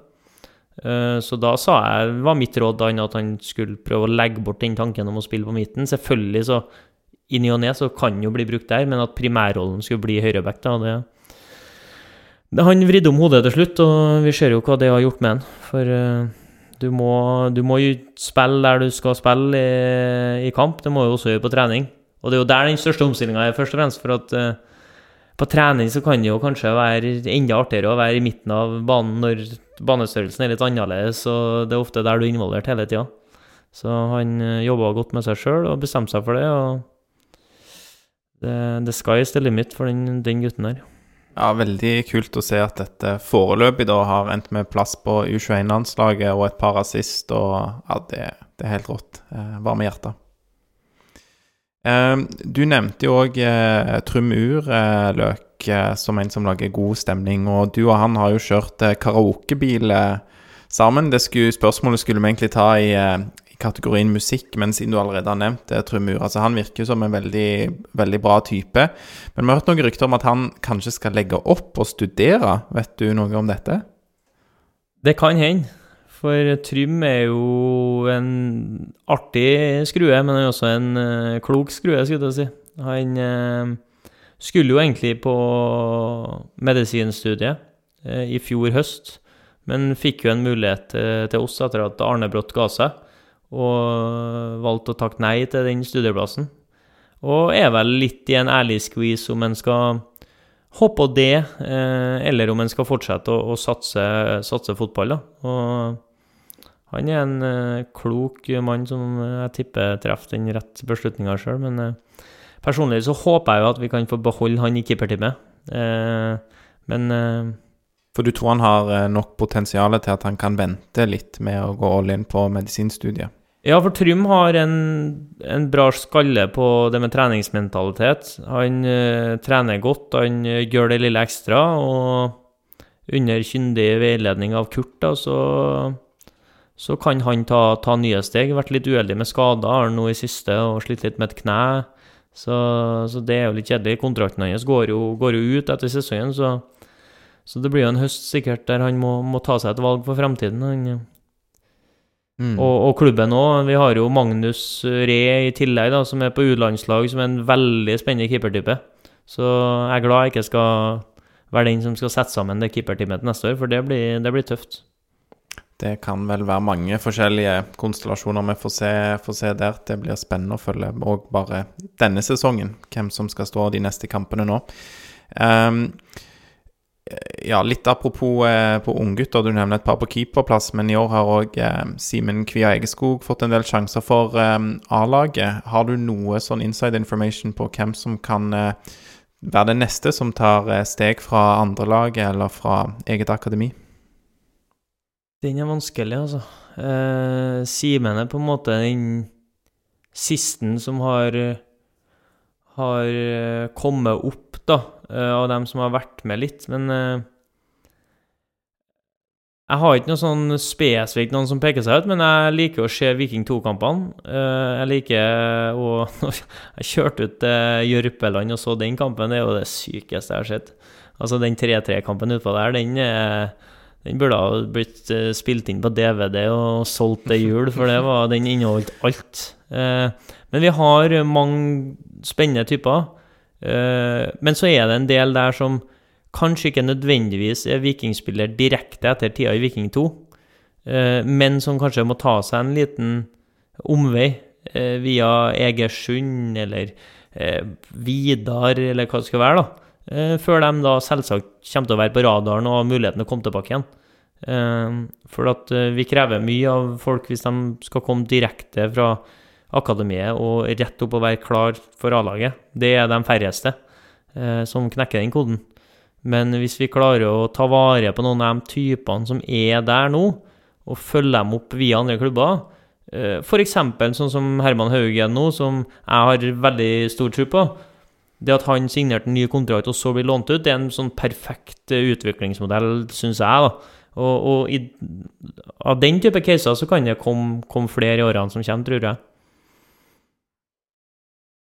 Ja, eh, i forhold til botkassen, kan vi spørre litt der. Hvem er, hvem er det som bidrar eh, best i botkassen? Eh, og eventuelt deg sjøl. Hvor godt bidrar du, og hva type bøter er det? Det Kan jo skje, her, da. Jeg er jo bortsjef, da. Oh, det er nydelig. Eh, og har i dag faktisk eh, I dag jobba litt med den turen vi skal på. Eh, og sjekka Er det Chamonix? Det er Chamonix. Vi skal til Alpene og stå på ski. Og eh, hadde jo et veddemål med, med Bjørne eh, før august om at eh, hvis vi tok minimum åtte poeng, da eh, Det vil si at det var tøft hvis vi tapte en kamp. Eh, så skulle klubben betale flybillettene til og fra Chamonix, da. Så eh, vi tikka inn på ti, og var veldig fornøyd med det. Men i den botkassa her, da, skal vi se på den Pay the Hippo-appen jeg har. Jeg skal jo ikke henge ut alle her, da. Kan jeg henge ut meg, nei, kan jeg henge ut meg sjøl ut ifra Tror vi fruen hører på dette? Hvor mye har jeg betalt i bøter? Jeg ser jo den summen er jo ganske syk, vet du. Vi har holdt på i en time nå, så det kan jo være at hun ikke orker mer. Jeg har sikkert ikke orka mer. Nei, Akkurat nå så, så er jeg snart at jeg bikker 9000. Er det du som leder, da, eller er Eh, og jeg ser jo faktisk at jeg, det ser ut Nei, det er en, jeg skal ikke henge ut hvem som leder. Oi, der har vi en som er over meg. Jeg er øvre sjikt, ja. Jeg vet ikke om alle vil at jeg skal henge ut, men vi har jo noen som er altfor dyktig, rett og slett. Sånn som eh, Hvis vi sier at jeg er på 9000, da, så det er jo øvre sjikt. Eh, og så har vi jo jevnt med sånn eh, månedlige innbetalinger, sånn bare for å få fylt opp kassa, for at vi skal jo kose oss på tur, og vi skal jo ha et bra opplegg for alle, og vi, forhåpentligvis skal folk slippe å betale for skikort og, og mat og alt som hører til, sånn at du omtrent skal kunne legge igjen kortet, kortet hjem. Eh, Så det er jo ei sparekasse for oss. Men hvis du ser på en som Viljar, eksempel, så er jo han på 4000. Så er jo under, under halvparten, liksom. Og det er jo det er jo sikkert omtrent bare sånne månedlige beløp og sånne faste sånne Hvis vi spinner det hjulet i garderoben, og sånn, så kan vi få sånn bot for alle, og han blir trukket med i søla. Men eh, Og hva er den store forskjellen på deg og Viljar? Hva type bøter får du? Hva er det han går glipp av? Nei En av de største, jeg må, en av de største var jo um, at jeg kjøpte meg ut av å bruke legget seg på trening, f.eks. Mhm. Uh, hater å bruke leggelser på trening og begynne å styre med teipen og sånn. Så kan vi jo diskutere opp og ned i mente om det er lurt eller ikke. Så, så det var jo vel en 1500 kroner der, og så så har jeg spinna det hjulet litt, og hvis jeg får f.eks. TikTok om å lage en TikTok-video, så koster det meg 500 å si nei til det, da. Så der er jeg litt kjapp til å si nei og vet at at det går til en god sak. Så er vel mer den biten her. Han er, han er smart og holder seg unna det hjulet, og ellers er er flink til å passe på utstyret sitt og holde orden. Hva er, hva er den merkeligste boten som du eller noen andre har fått? Merkeligste Nei, jeg fikk vel Jeg måtte vel ta 500 òg for det der eh, Det der bannergreiene. Måtte jeg ta 500 for. Eh, Enkelte ville ha den opp i 1000, mens jeg mente at det ikke var så ille, da. Så måtte jeg gå med på 500. Eh, Ellers så Det er jo noen som ender opp med å få for bremsespor, f.eks., i toalettene. Det, det sjokkerer meg like mye hver gang at noen evner å legge igjen bremsespor. Det irriterer meg. Og det irriterer meg ikke bare i garderoben, det irriterer meg på alt av mulige offentlige toalett òg. Må gå an å se nedi etter du er ferdig. Og så bruk den børsten som står ved siden av her. Bare ta et, en kjapp jobb for at nestemann skal ha det litt mer trivelig når han skal sette seg på do. Det er en vane som jeg oppfordrer flere til å legge til seg. Mm. Og hvis vi går videre fra Tommy Høiland Nei da. Eh, hvis vi går vekk fra botkassen eh, og over til trønderblodet ditt eh, Hvilken trønder ville du helst hatt eh, med i dagens vikingtropp, som gjerne da hadde passa godt inn? Som spiller nå Det kan godt være en spillende, men eh, hvis du vil hive på en eh, Altså, Tidligere spiller, en det er jo greit. En god gammel hadde ikke vært feil å hadde hadde Erik Hoftun som kunne ha eh, spilt opp litt bakfra, som kunne ha spasert gjennom ledd og satt opp overtall bak der. Det hadde jo aldri vært feil. da. Kosa meg med å se på han. Jeg kan skjønne at den som spilte med han, Men, men fine forhold. du har jo en del kompiser da som, eh, som spiller nå. Er det ingen av de som hadde vært bra hatt i Viking? Jo, hvis Altså, jeg elsker jo alle de kampene jeg kunne ha spilt med Gjermund Aasen, så vet jeg hvor god han er på sitt beste, hvor god han er, rett og slett. Så av alle aktive, så, så må jeg ta han, og så Ja, må nesten bli han, ja. Mm. Ehm, og så nevnte du òg dette at du fikk bot for uh, dette, dette bannerbråket. Uh, og der var det jo et litt sånn skjult budskap som jeg ikke hadde fått med seg, og ikke du uh, heller. og det berører jo en, en annen trønder, da, eh, Vegard Forhen. Altså, kan du si litt om det styret rundt det, det banneret? Var det mer stress enn det å få 500 kroner i bot? I, Ja, i to døgn så var det mer stress, enn det. Eh, For jeg, skjøn, jeg skjønner jo at eh, folk eh, kunne reagere. Eh, Men jeg er jo ærlig på at jeg så aldri at det var en R i parentes der, og var kun ute etter å fyre opp litt mot Molde. Og det har jeg jo ingenting imot. Og det, det håper jeg jo flere jeg er interessert i å fyre opp litt mellom eh, enkelte klubbene i Norge, uten at det er noe, noe galt i det. Men eh, jeg kjenner jo han, og snakka jo tidlig med han etter kampen. Og beklaga, og var jo absolutt med, ikke meninga å sette noe mer søkelys på eh, På han eller det enn det som var. Og ja, det Etter to dager så var jeg glemt og brukte ikke noe mer energi på det. Eh, hadde selvfølgelig ikke gjort det igjen hvis jeg hadde sett hva som sto.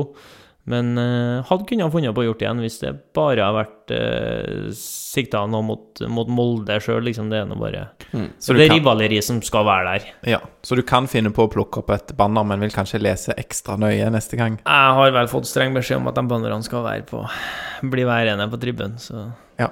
får vi se om jeg må ta noen saker i egne hender. Men jeg, jeg, jeg tipper at de fleste kommer til å forbli, altså. Og dere har òg Du og Foren har samme agent, Sverre Mauseth. Ingen uh, stygge SMS-er fra han. Nei, jeg, jeg fikk uh, en SMS fra han òg, så vi snakka om det. Han, han kjenner jo meg, han. Han vet jo at jeg ikke er en person som ville ha uh, på en måte eh, støtta opp under noe som vil være en sånn personsjikane mot hvilken som helst person i Norge. Hadde jeg jo aldri ville ha stilt meg bak. For, for personsjikane, det er Ja, det er en uting. Vi skal fyre opp mot uh, andre klubber. Vi skal ha et, uh, et uh, sunt og engasjerende fotballhat, men personsjikane, det, det står jeg aldri bak. Da går vi over til kategorien løk. Eh, og her har vi da startet med litt med tida di i England. Eh, spilte du eller trente du med Harry Maguire? Ja. Uh, han var på U18-laget i Sheffield United da jeg var her. Uh, jeg var i det som man kalte for development squad, eller U23. Eh, og eh, nå husker ikke jeg helt spesifikke kamper, men vi spilte noen reservelagskamper sammen. Eh, det gjorde vi. Men han var sånn at han Han hoppa nesten over det nivået. Han hoppa rett fra U18 og inn på A-laget. For det var en sånn spesiell Det ble en spesiell vår i og med at uh, Sheffield United rykka ned fra Championship. Og på slutten, når det nærma seg å bli klart, så skrek jo fansen etter han får i hvert fall kaste ut de over, overbetalte tullingene og bruke noen lokale spillere. Uh, og da heiv de inn han bare, som midtstopper. Han var jo et stort talent som de hadde trua på. Og han omtrent hoppa rett fra U18 til å spille mot uh, Jeg husker en av de første kampene Jeg tror det var første kampen hans fra start, var vel mot Cardiff hjemme. sånn. Og han pløyde Craig Bellamy langt utover sidelinja etter fem minutter. Og da Fra det sekundet så var han elska av fansen, og så hadde han den her evnen til å bare ta nivåene. Han bare tok nivået. Uansett hva du kasta han inn i, så var han akkurat god nok. Akkurat kjapp nok, akkurat sterk nok, god nok i lufta, og den biten der. Så, men hvis noen har sagt til meg det jeg så han, at han kom til å være ja, en verdens dyreste forsvarsspiller? Han er kanskje det. Han er vel eh, ja, den dyreste per dags dato. Kaptein for Manchester United. Tar gode straffer når det gjelder, som en av få på England. Eh, Det er vanvittig, men det er jo artig. Ja. Sånne story, eh, stories er artig. Og det, det er jo litt kult å si at man faktisk var sammen, men Mm. Dødskult, det. Og, og det er vel Altså, det var vel en klubb som òg kjempa om opprykk tilbake igjen til championship den, det året. Ja, det som ble, da, at uh, det ble nedrykk, øh, og så øh, for jeg tilbake på ferie i, i Norge. Og på en måte det savnet som jeg kjente av uh, norsk fotball, norsk kultur, kameratskap, samhold, fotballglede, det ble jo bare forsterka enda mer med å være hjemme på ferie, trene litt med guttene i, i Strindheim osv. Så, videre. så den League One-sesongen, da Da jeg kom tilbake, så ble jo både jeg og Erik Tønne, som jeg var sammen med, ble jo tatt opp i Asdalen. Så da var jeg jo i Asdalen. Eh, og første treningskampen, da kom jeg jo inn og fikk smake litt på det sammen med de store guttene, og skulle jo reise på treningsleir til Malta. Eh, men det var rett noen dager før det at jeg kjente at nok var nok, da, og tok telefonen hjem at her må jeg hjem, her må jeg ordne, og, og fiksa den biten. Så, de, så den sesongen ikke jeg, var ikke jeg med på, da. Men eh, de snubla jo på målstreken tre runder for slutt. Ched Evans, som var storskåreren med over 30 mål, han røyk i Karsotten for eh, påstått voldtekt eh, tre runder for slutt. Og laget skåra vel knapt nok et mål etter det, og ble tatt på målstreken av det verste som kunne skje, Sheffield Wednesday Mm. som lå noen poeng bak eh, inntil da. Og Sheffield United Det ble jo værende et par, par-tre år i Vet ikke hvor mange år jeg, i, i League One etter det, og sleit jo med å komme seg opp igjen. For det er jo et grusomt liga å komme seg opp fra. Men en gigantisk klubb da, som til slutt pang-pang, sa jeg, så var det Premier League, da. For de rykka ned igjen nå. Ja, de rykka vel opp på første forsøk, tror jeg. Ja, det var vel Ja, Direkte ja. Fra League One og så én sesong i Championship omtrent, ja. Jeg mm. husker ikke om det var en imellom ikke. Men. Men skal nå spille championship sammen med Fulham, Pål. Skal spille championship med Fulham. Ja, det er fint, det. Mm. Um, der er òg uh, Anders Wergeland med samme navn på Twitter har spilt inn uh, Hvilken utenlandsklubb holder du med, og hvorfor? Det er United, da. Uh, og det er bare fordi at det var det jeg fikk inn da jeg var liten. Eh, første drakt fikk jeg i 1997, da jeg var fem år og var på sydentur til, til Kypros med familien. Og jeg vet ikke om jeg har den drakta ennå. Da balla det bare på seg, og så er jo av tiden så er det naturlig at du som liten gutt eh, blir interessert i dem som også er gode, da. Og United var jo best. Eh, det var jo ganske artig å være United-supporter på starten av 2000-tallet. Eh, og fikk jo på en måte mine helter i, i Keane og Scholes og gjengen der. Eh, men jeg skal være ærlig og si at det engasjementet er veldig, veldig, veldig, veldig mye mindre nå. Da jeg var liten, så var jeg helt sånn Jeg ble oppriktig lei meg og kunne begynne å skrike hvis United tapte. Altså, jeg var på det nivået at jeg, jeg har knust en TV-boks og mista hodet fullstendig for at United har tapt, og sendt hjem kompisene for at de slapp inn et mål sent og sånn. Men når du bruker så mye energi på å engasjere deg i eget lag og egen klubb, i på en måte Ja, i, på toppnivå i Norge, da, så betyr det så mye at jeg har ikke noe energi til overs til å skulle bry meg så veldig om hvordan det går med et lag i England. Best case så har du gjerne motstanderen enn ingen spiller på Fantasy. ja, og så det, det, det der òg sånn jeg, Til enhver tid, så for å få ut det beste av meg sjøl, så må jeg være verdens største supporter òg av det laget jeg spiller på. Mm. Og gå all in, på en måte, for at vi skal lykkes da, i Viking.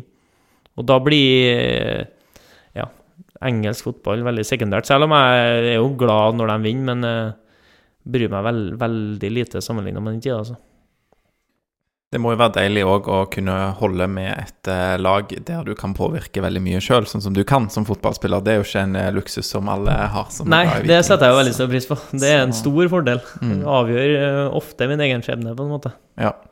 Eh, hva, eh, Løk, eh, anser du for å være det største øyeblikket i din fotballkarriere? Det er det òg Anders Wergeland som lurer på. Han foreslår kanskje da cupgull eller opprykk med Ranheim? eller andre ting?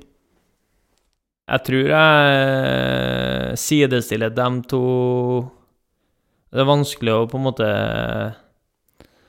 velge én, for det var enormt stort på hver sin måte. Eh, Du kan vinne to ting i Norge, det er elit- Eliteserien og, og, og cupen. Og um, det er ikke alle forunt å få lov til å vinne noen av delene. Så det å få være med på det og spille cupfinaler på Ullevål, det var helt rått. Eh, Samtidig så sier det seg sjøl etter sju sesonger i Ranheim og x antall eh, konkursbegjæringer og lønnskutt og eh, omtrent drive på dugnad med bestekompisene dine, at du ender opp med å, å rykke opp til Eliteserien og få være med på det, det er jo det er helt rått.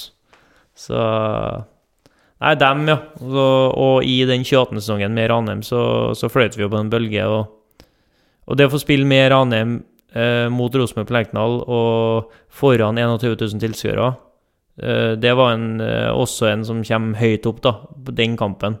Der vi faktisk også dominerte og fortjente å vinne på slutten. Mm. Ble det uavgjort? Det ble 1-1. Enig. Det ble 1-1, og Rosenborg var ikke så god, da, så vi eh, omtrent som vi farga Lerkendal blå utover kampen, der eh, vi fikk flere og flere hjerter over på vårt lag, og vi starta vel med sikkert 2000 av 21 som holdt med Ranheim, men vi var nærmere 12 000 av 21 som holdt med Ranheim på slutten av kampen. Så det var en eh, veldig spesiell opplevelse. Ja, det, det tror jeg på. Ehm, Jørgen Våge Eike han sier En god kamerat med navn Ola, for øvrig bosatt i Alta, har alltid nevnt deg som en seig trønder som kan holde på i flere år fremover. og Det har du jo snakket litt om sjøl. Men han spør videre. Hvordan føler du kroppen takler hverdagen som fotballspiller nå, kontra for fem år siden? Jeg føler at det er ganske likt, egentlig. altså. Uh, nå er jeg jo sjeleglad for at jeg får spille fotball på heltid. Det fikk ikke jeg for fem år siden. Så det å ha nok tid til restitusjon og den biten der, det setter kroppen min stor pris på. For, for fem år siden så spilte jeg i Ranheim, jobba i DNB, studerte på NTNU, trente G14-laget til Ranheim. Det var ikke så mange timer i døgnet til overs, rett og slett. Så for meg så, så kjennes kroppen faktisk bedre ut nå enn den gjorde for, for fem år siden. Ja, Det er jo bra. Det må være en god utvikling. Ja, det er en veldig god utvikling, så 29. jeg satser på at den fortsetter, faktisk. Eh, Bjarte Østebø har også spurt på Twitter hva du hadde jobba som hvis det ikke hadde blitt noen fotballkarriere. Er vi tilbake til banken da, eller? Jeg trivdes veldig godt i banken, eh, men eh, jeg tror jeg måtte på en måte enda større grad møtt folk, snakka med folk. Eh, kanskje et eller annet med salg. Jeg tror jeg kunne vært god til å selge ting. Og eh, så har vi en eh, Kjell Christer Skjæveland som spurte eh, spurt oss på Instagram om eh, om du tror du blir ansatt som spillende assistenttrener i Viking. Eh, Det tror jeg ikke med første. Eh, Men jeg har jo ambisjoner om å bli fotballtrener. Eh, Det har jeg. Og det å kunne ha jobba med Morten og Bjarte, da, hvis vi hadde sett på den casen, det hadde jeg, tror jeg hadde stortrivdes med. Mm. For det er både utrolig dyktige folk, men også veldig fine folk som man ja, altså trives godt rundt. Da. Så jeg hadde ikke takka nei. Så den eh, assistenttrenerrollen som du eh, tar når du da er skada, f.eks., det er bare dugnad? Ja, det er bare dugnad. Jeg har faktisk um, i, 2000 og, i 2016, da, da jeg ble skada i, i Ranheim og måtte operere, så var det også økonomiske eh, problemer i Ranheim. Og, og da måtte man kutte i staben. Så da måtte assistenttreneren gi seg. Og det, hele den høsten så var jeg med tett på trenerteamet. Eh, og, og gjorde alt jeg kunne for å eh, avlaste dem og hjelpe dem. da. Eh, I og med at jeg var skada uansett. Så da tok jeg alle treningsøktene eh, på egen hånd på tidspunkt, andre tidspunkt, og så kom jeg på, på Ranheim og, og var på trenerkontoret, diskuterte økta, eh, var med så godt det lot seg gjøre som en assistent selv om jeg fortsatt var spiller, på en måte. For å lære, men også for å bidra med det jeg kunne, da, for at det skulle gå bra for, for laget. Øyvind Jacobsen, som er speaker eh, på SR-Bank Arena, han, eh, han spør eh, litt i samme gate. Hva er ambisjonene til Løk som trener? Har du tenkt på det allerede? Ja, altså jeg har sagt både litt seriøst og på fleip da, at jeg skal vinne Eliteserien som både spiller og trener innen jeg er 50. Eh, det begynner å Nei, det er jo ikke så travelt som spiller ennå. Skal jo kunne gå an. Altså, urealistisk er det jo egentlig ikke. Eh, som trener så er jo nåløyet ekstremt trangt, da. Jeg har jo stor respekt for at det er voldsomt mange dyktige mennesker i Norge som eh, ønsker å bli eh, trener. Eh, utrolig mange mennesker i Norge som bruker veldig mye tid på å utdanne seg også til å bli trener. Eh, men jeg pleier å si at jeg har vært eh, spiller, trener og dommer siden jeg var seks år. Så jeg har på en måte gjort min Jeg har fått min del av utdanninga på veien, jeg òg, som har vært, vært viktig. Og forhåpentligvis får jeg flere år med under dyktige folk, så, så kan jeg bli veldig bra, tror jeg. Mm. Eh, Det er jo òg en eh, annen rolle inne i fotballen som du har fått prøvd deg eh, litt på, og det er jo dette som går på ja, altså fotball i mediene, dekning av, av sporten. Og Lola Petterson på Instagram hun eh, spør etter karrieren trener eller fotballekspert slash medieperson. Hva, altså er det kun, Du har sagt litt at du kunne vært interessert i treneryrket, men kunne du sett for deg å heller ta den medieveien? Jeg, jeg tror jeg hadde vært veldig interessert i å kunne få lov til å jobbe litt med det på, på heltid òg. for jeg har vært heldig og fått vært med noen ganger, og jeg syns jo at det er veldig artig, eh, givende, spennende.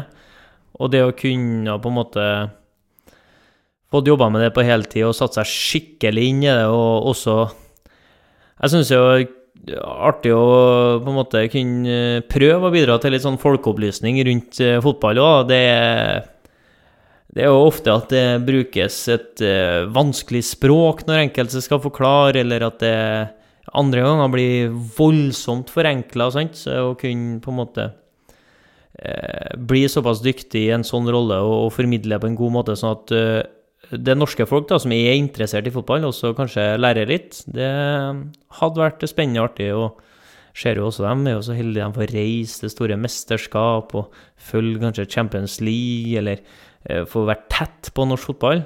Det, det hadde vært kult, så kanskje begge deler. Ja, det høres bra ut. Jeg må bare si at jeg tror jeg eh, gjenga det spørsmålet fra Lola Petterson litt feil, men det hun i hvert fall eh, sier, er at eh, de gangene hun har sett og hørt deg, så har du vært veldig flink, og du passer til det. Så det er jo hyggelig tilbake. Det må jeg jo ta med meg. Det er òg et uh, infor, informantspørsmål uh, som forblir uh, av en anonym person. Um, hvilket kallenavn har du fått fra barnehagebarna, og hvorfor? Barnehagebarna? Den, eh, jeg skulle gjerne visst navnet på den informanten, egentlig. Eh, for å da kanskje koble av at jeg hadde hvem Jeg lurer eller på om det er noen som spiller i forsvarsrekka i Viking, tror jeg. Eh, Åh, nei, nei, nei, nei, nei. Altså, nå sikter jeg jo Nå vet jeg hva vedkommende sikter til. Det at jeg bor attmed Jåttå barnehage, og i leiligheten min så jeg, har jeg en stor, fin terrasse, men sola på den er der bare til sånn 12.30. Og på en fin treningsdag så liker jeg, etter en god økt i sola, så liker jeg å bruke god tid i garderoben, være sosial med guttene, Spis en god lunsj, gjerne en ekstra kaffekopp, ta meg tida. Og når jeg da kommer hjem, så er jo sola bort fra terrassen. Men på andre sida så er sola fram. Og da er det jo sikkert Arild Østbø som har hengt seg opp i dette her, at eh, han eh, mener at det er litt på kanten at jeg sitter på på en måte forsida og soler meg. At jeg koser meg i sola der. Og jeg soler jo ikke meg med T-skjorte. Altså, så han mener jo at Dattera vet hvem jeg er, for at jeg er han som sitter der uh, uten klær på. Så det, og det elsker han å påpeke, da. Ja. Kjenner både videoer av dattera som kan peke meg ut på lagbilder og det ene og andre. Så, så litt humor er det faktisk. da. Men bare for ordens skyld, jeg vet ikke hvem som hører på. Du har noe klær på. Ja, det, Ja. det har jeg, for ordens skyld. Jeg må jo også bare si at jeg, Det er ikke jeg som har forberedt dette spørsmålet, og det er heller ikke du, Pål, men jeg tror ikke det er Arild Østbø som har sendt inn, så da er jeg litt Nei. Kanskje en barnehageansatt. ja. Um, ja, vi kunne jo spurt hva som er det verste med å bo i Bergen, men eh, hva er det beste med å bo i Stavanger? Nei, det, det beste for meg er at jeg har møtt eh, sinnssykt mye trivelige folk. Altså utadvendte, genuint eh, hyggelige, entusiastiske mennesker. Og det er både i og rundt klubben, liksom. En sånn mye hyggelig, god stemning. Eh, og det, det er jeg relativt glad i, da. Så der du bor, og livet blir jo stort sett til av de menneskene du har rundt deg. Så det, det er det viktigste. Det er godt å høre, for det er jo òg litt sånn Hva skal jeg si En sånn eh, sideambisjon, eh, for, i hvert fall for meg, i, i Vikingpodden. Og, å myke opp eh, siddisene litt grann, og sørge for at folk er positive generelt, men òg til, til Viking. Men det er jo godt at det er din opplevelse, da, Løk. Så, Ja, jeg har jo vært heldig. Det har jo vært gode, gode tider mens jeg har vært der. Altså, Motgangsperioder har vi møtt, men alt i alt så har vi jo levert ganske godt. Så jeg får se om det snur, men eh, bare alle må vite at eh, hver gang vi taper, så er det ikke for at vi ikke har gjort alt det vi kan for å få det til å lykkes. Eh, Et spørsmål fra Torjer Meling eh, igjen. Eh, Du debuterte i Eliteserien i 2018 i en alder av eh, 26. Og i årene før dette, når du var 24-25, hvor sterk var du i troen på at du skulle bli en habil spiller på det øverste nivået av eh, norsk fotball?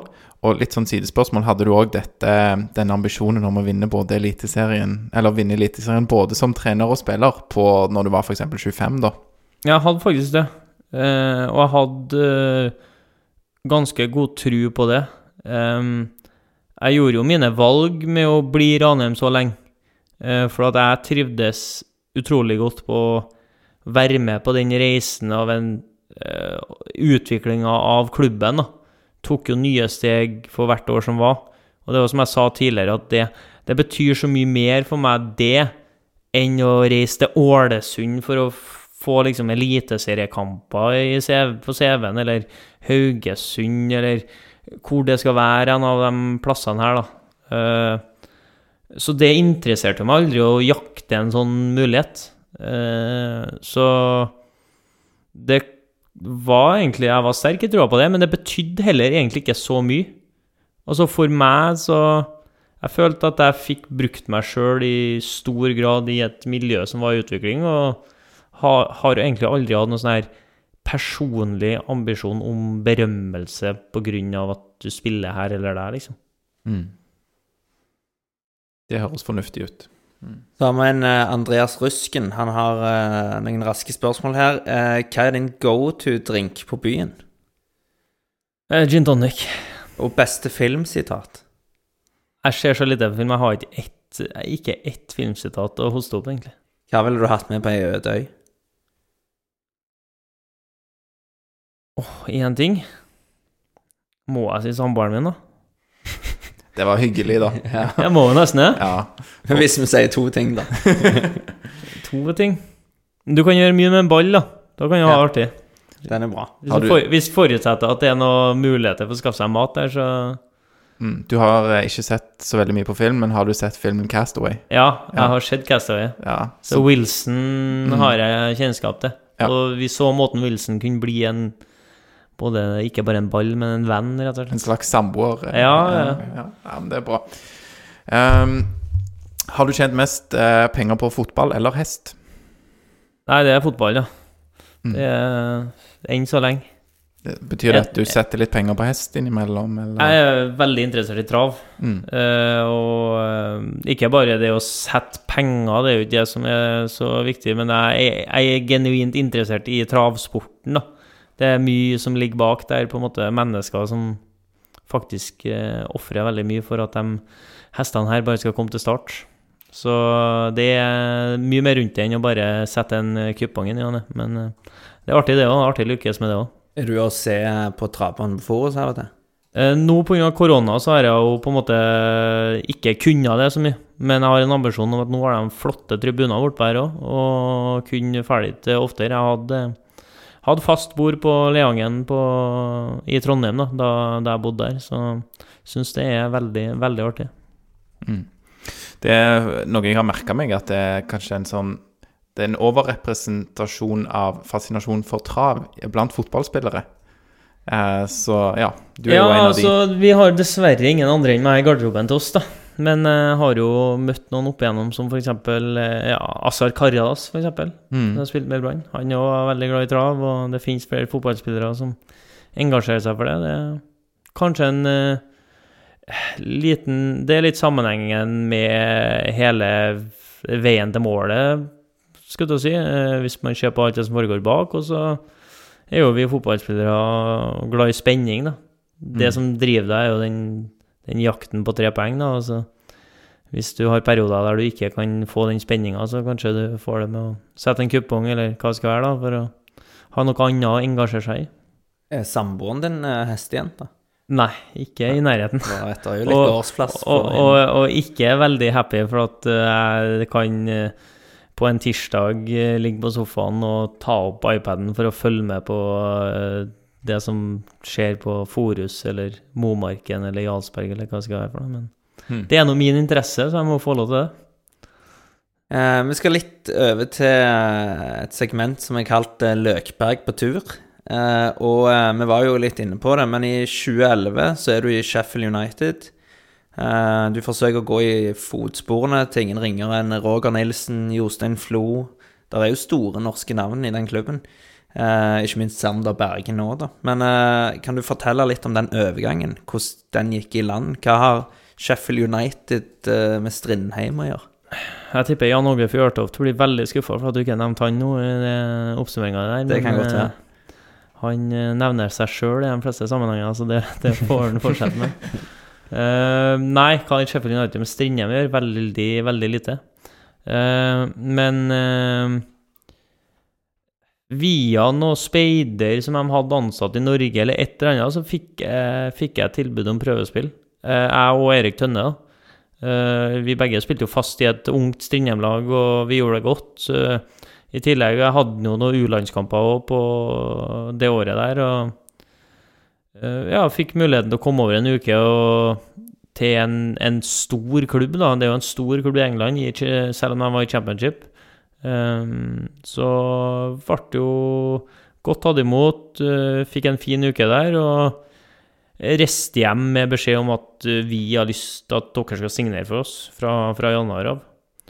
Og ja, for en uh, ung gutt fra Strindheim da, i andredivisjon, og jeg hadde jo fått to sesonger i andredivisjon, liksom, og tenkte at det var jo kanskje god timing å, å prøve noe nytt. Så kom det noe i stand, og signerte der, og flytta over og bodde i vertsfamilie, og ja. Det, fotballverdenen er ganske liten, liksom. Mm, spennende. Eh, kan jeg også spørre, du spilte kanskje òg med altså det jeg mistenker gjerne bestekompisen til Stefan Johansen, eh, Kevin McDonald. Ble du kjent med han?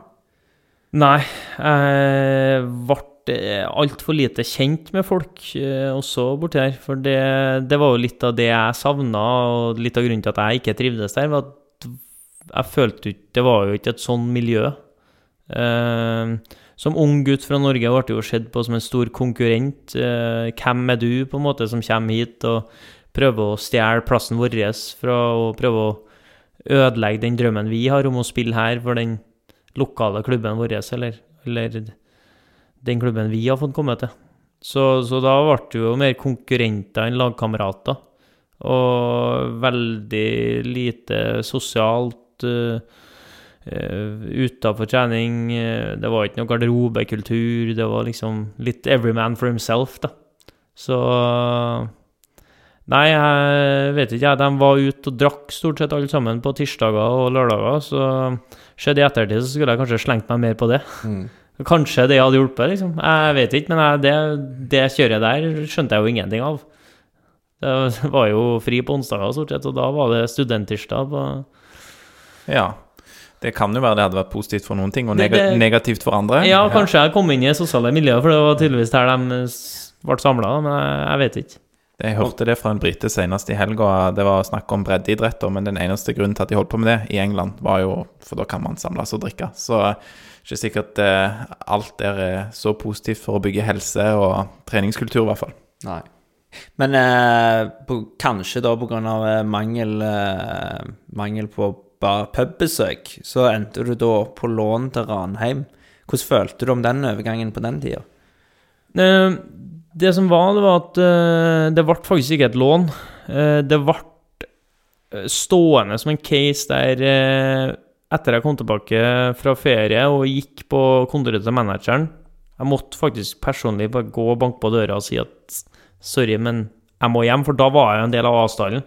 Da skulle vi jo til Malta, det var jo treningsleir, og sportslig kan du jo si at alle muligheter lå jo der. Tønne fikk jo seg kamper den høsten i League One.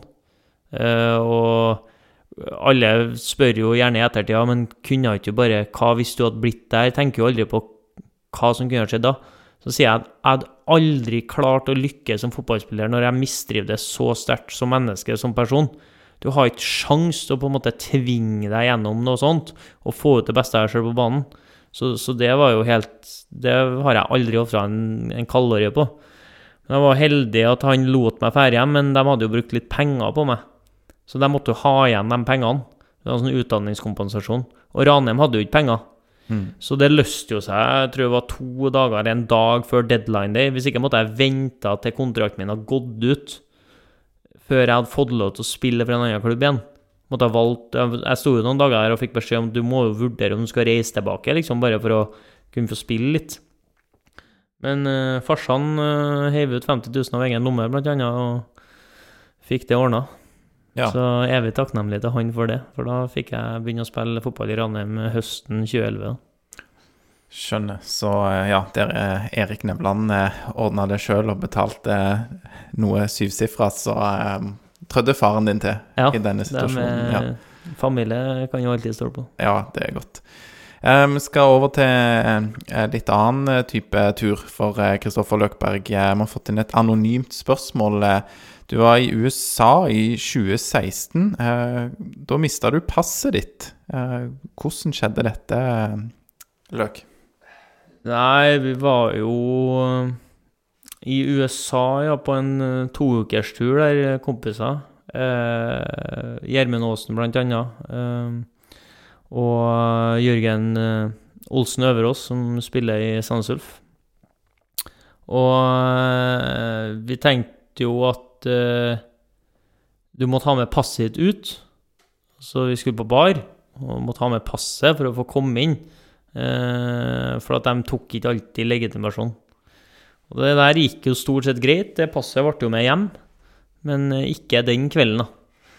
For eh, det gikk jo det var, det var en helt enorm bar. Jeg kan anbefale den til alle og enhver. Fort Lauderdale, Las Ålas. Jeg husker ikke hva det er. En eller annen sånn irsk bar. Jeg husker ikke hva den heter. Men vi kalte den bare i ettertid for Passbaren, da. For at passet forsvant. Så jeg har vært tilbake der i ettertid på botur med Ranheim. Og den passbaren, den, den er fantastisk. Men eh, passet ble igjen, og det ble litt stress. Måtte jo på eh, konsulatet i Miami og ordne nødpass dagen etterpå. For da skulle vi hjem. Ja, Men det gikk greit? Det ordna seg. Det ordna seg alltid for snille gutter. Ja, ja, men det er bra. Og du har ingen eh, mistanke til at noen stjal dette, eller nei, du vet ikke hva som skjedde? jeg bare husker at vi holdt jo på å leke som de passene og ga røde kort til folk og sånn, så det var jo ikke noe rart at det her forsvant. Det høres ut som god fotballhumor. Eh, Et annet anonymt spørsmål vi har fått, er eh, som følger Hvorfor er du antrukket i full kit vikingutstyr på hjemmebesøk i Trondheim? Trodde lønnen var høy nok i Stavanger til å kjøpe privat tøy uten vikinglogo. Lukter en smule irritasjon her. Ja, altså det der er jo en sånn supporter av janteloven, da. Eh, som tydeligvis eh, syns at det er galt å, å gå i treningstøyet til klubben du spiller for, bare for at klubben du spiller på, er god. Altså Det hadde vært helt greit om de hadde vært Vuku sitt treningstøy liksom i, fra fjerde div. Mm. Da hadde det vært greit. Ja. Men bare for at det er Viking, liksom. Så det kommer ikke jeg til å endre på. For at jeg er jo stolt over å spille Viking og representere gladelig også når jeg er på tur hjem til Trondheim. Og hvorfor skal jeg gidde å kjøpe meg treningsklær når jeg har en hel bunke av vikingklær? Ja, jeg syns jo det er helt eh, nydelig, og ja, setter pris på at du representerer Viking. Så hørte vi fra Jonny Furdal at han eh, klarer å omvende litt folk eh, inn i Kvinnherad eh, til å holde med Viking, som kanskje tidligere var litt sånn brannland, men Trondheim er kanskje litt mer tricky. Det er litt mer tricky, Ja. men enkelte kan smøres. Ja, det er godt. Ja. Alt er mulig. Jeg har jo Eh, faktisk omvendt én.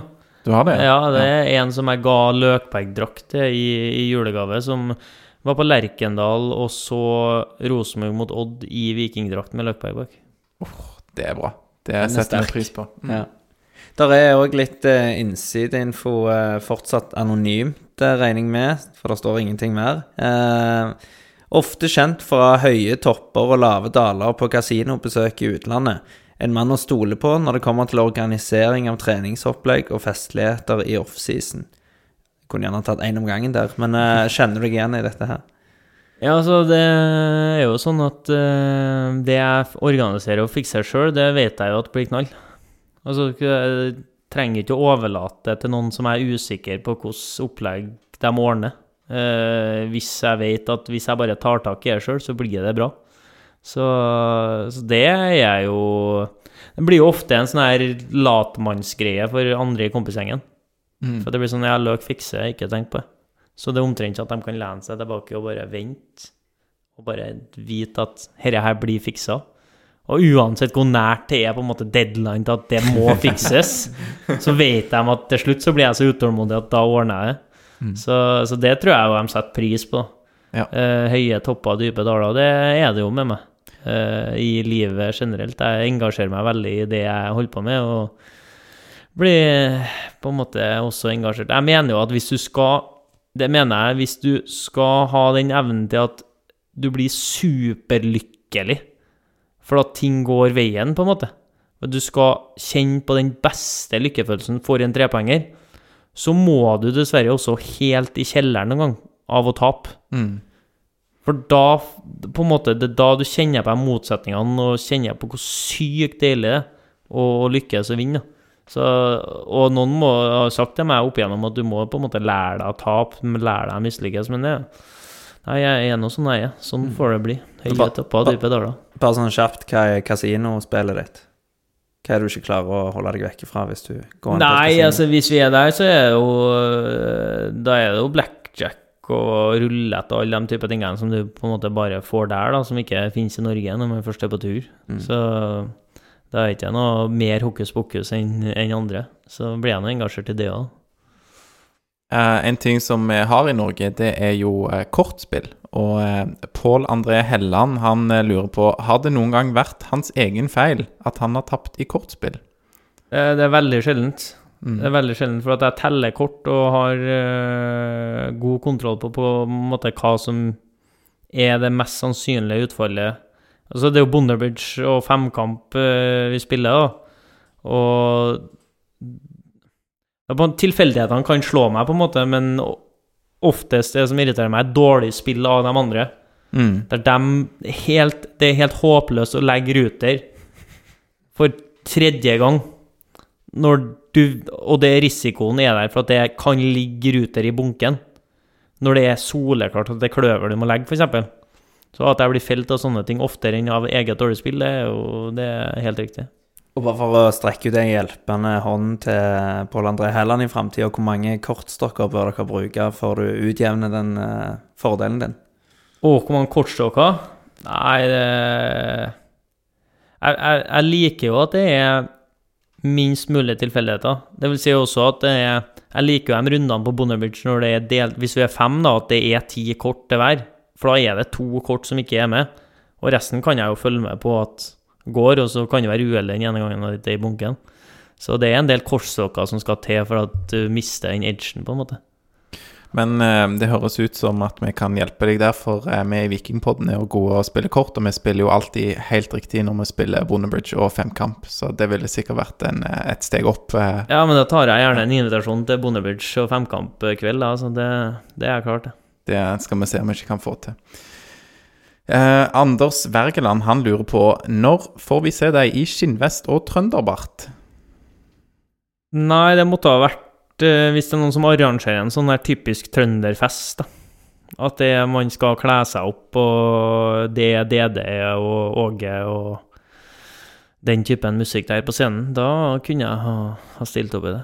Det er ikke noe Kjartan Salvesen kan fikse i en eh, promovideo til neste Kjartan får ikke fiksa det i noen promo, promovideo, nei. Eh, For dem som vil se en sånn typisk eh, Typisk sånn figur, så er det jo bare å søke opp Trønderbataljonen på, på YouTube, da. Da får du noe får artige klipp. Mm, ja, vi får gjøre det, for det går kanskje litt hånd i hånd med noe annen inside-info som er litt opplagt egentlig, da, men eh, det står her at eh, du er den mannen i Norge med størst guilty pleasure på trønderrock, og det stemmer kanskje? Ja, det har jeg null problem med å si. Og eh, DD eksempel kan spilles til frokost og til fest og begravelse og, og alt, så det er alltid en anledning til å sette DD på, på anlegget. Pål André Helland har òg eh, spurt om evnen du har til å jakte andre baller. Eh, om det er noe du har brukt til å jakte damer på dansegulvet de gangene du har vært singel. Nei. Eh, nei, men jeg kan jo innrømme at det kunne jo hende at jeg tok meg en runde eller to i lokalet, liksom, hvis jeg ble uh, Så du vet jo, når du sitter der og har sittet der i tre timer med guttene rundt bordet, så trenger du en sånn sceneskifte, ja. En forandring. Og uten at det nødvendigvis måtte, at det måtte skje så mye på den runden, så trengte jeg bare en runde eller to, og så tilbake igjen. Så det var ikke mer enn det, men det var jo Han skal jo selvfølgelig ha det til at det var verre enn det var. Mm. Da kan vi gå eh, videre til kategorien musikk, og den har vi kommet litt inn på allerede, så vi har allerede brukt opp noen av disse musikkspørsmålene. Ehm, det har kommet et spørsmål fra Christian Eggen Rismark. Han, han lurer på, eh, eller oppfordrer oss til å spørre om karaokeutestedet som du og han var på i Manchester, og hvem traff dere der? Ja, det var en helt rå kveld. Fordi at det var Jeg tror det var nøyaktig en uke etter Ja, det var nøyaktig en uke etter uh, cupgullet. Så jeg var fortsatt i litt sånn seiersrus og, og feira den. Og vi hadde vært på var United hjemme mot Everton, tror jeg.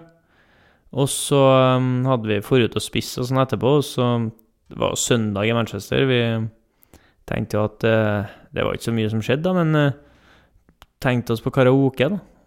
Og når vi gikk der eh, i Chinatown i Manchester, så plutselig så var det en sånn her gjeng med mannfolk som hadde på seg litt sånn her julegensere og sånn Var ute på sånn klassisk engelsk eh, kveld, da. Som lurte på om vi ville joine dem på karaoke.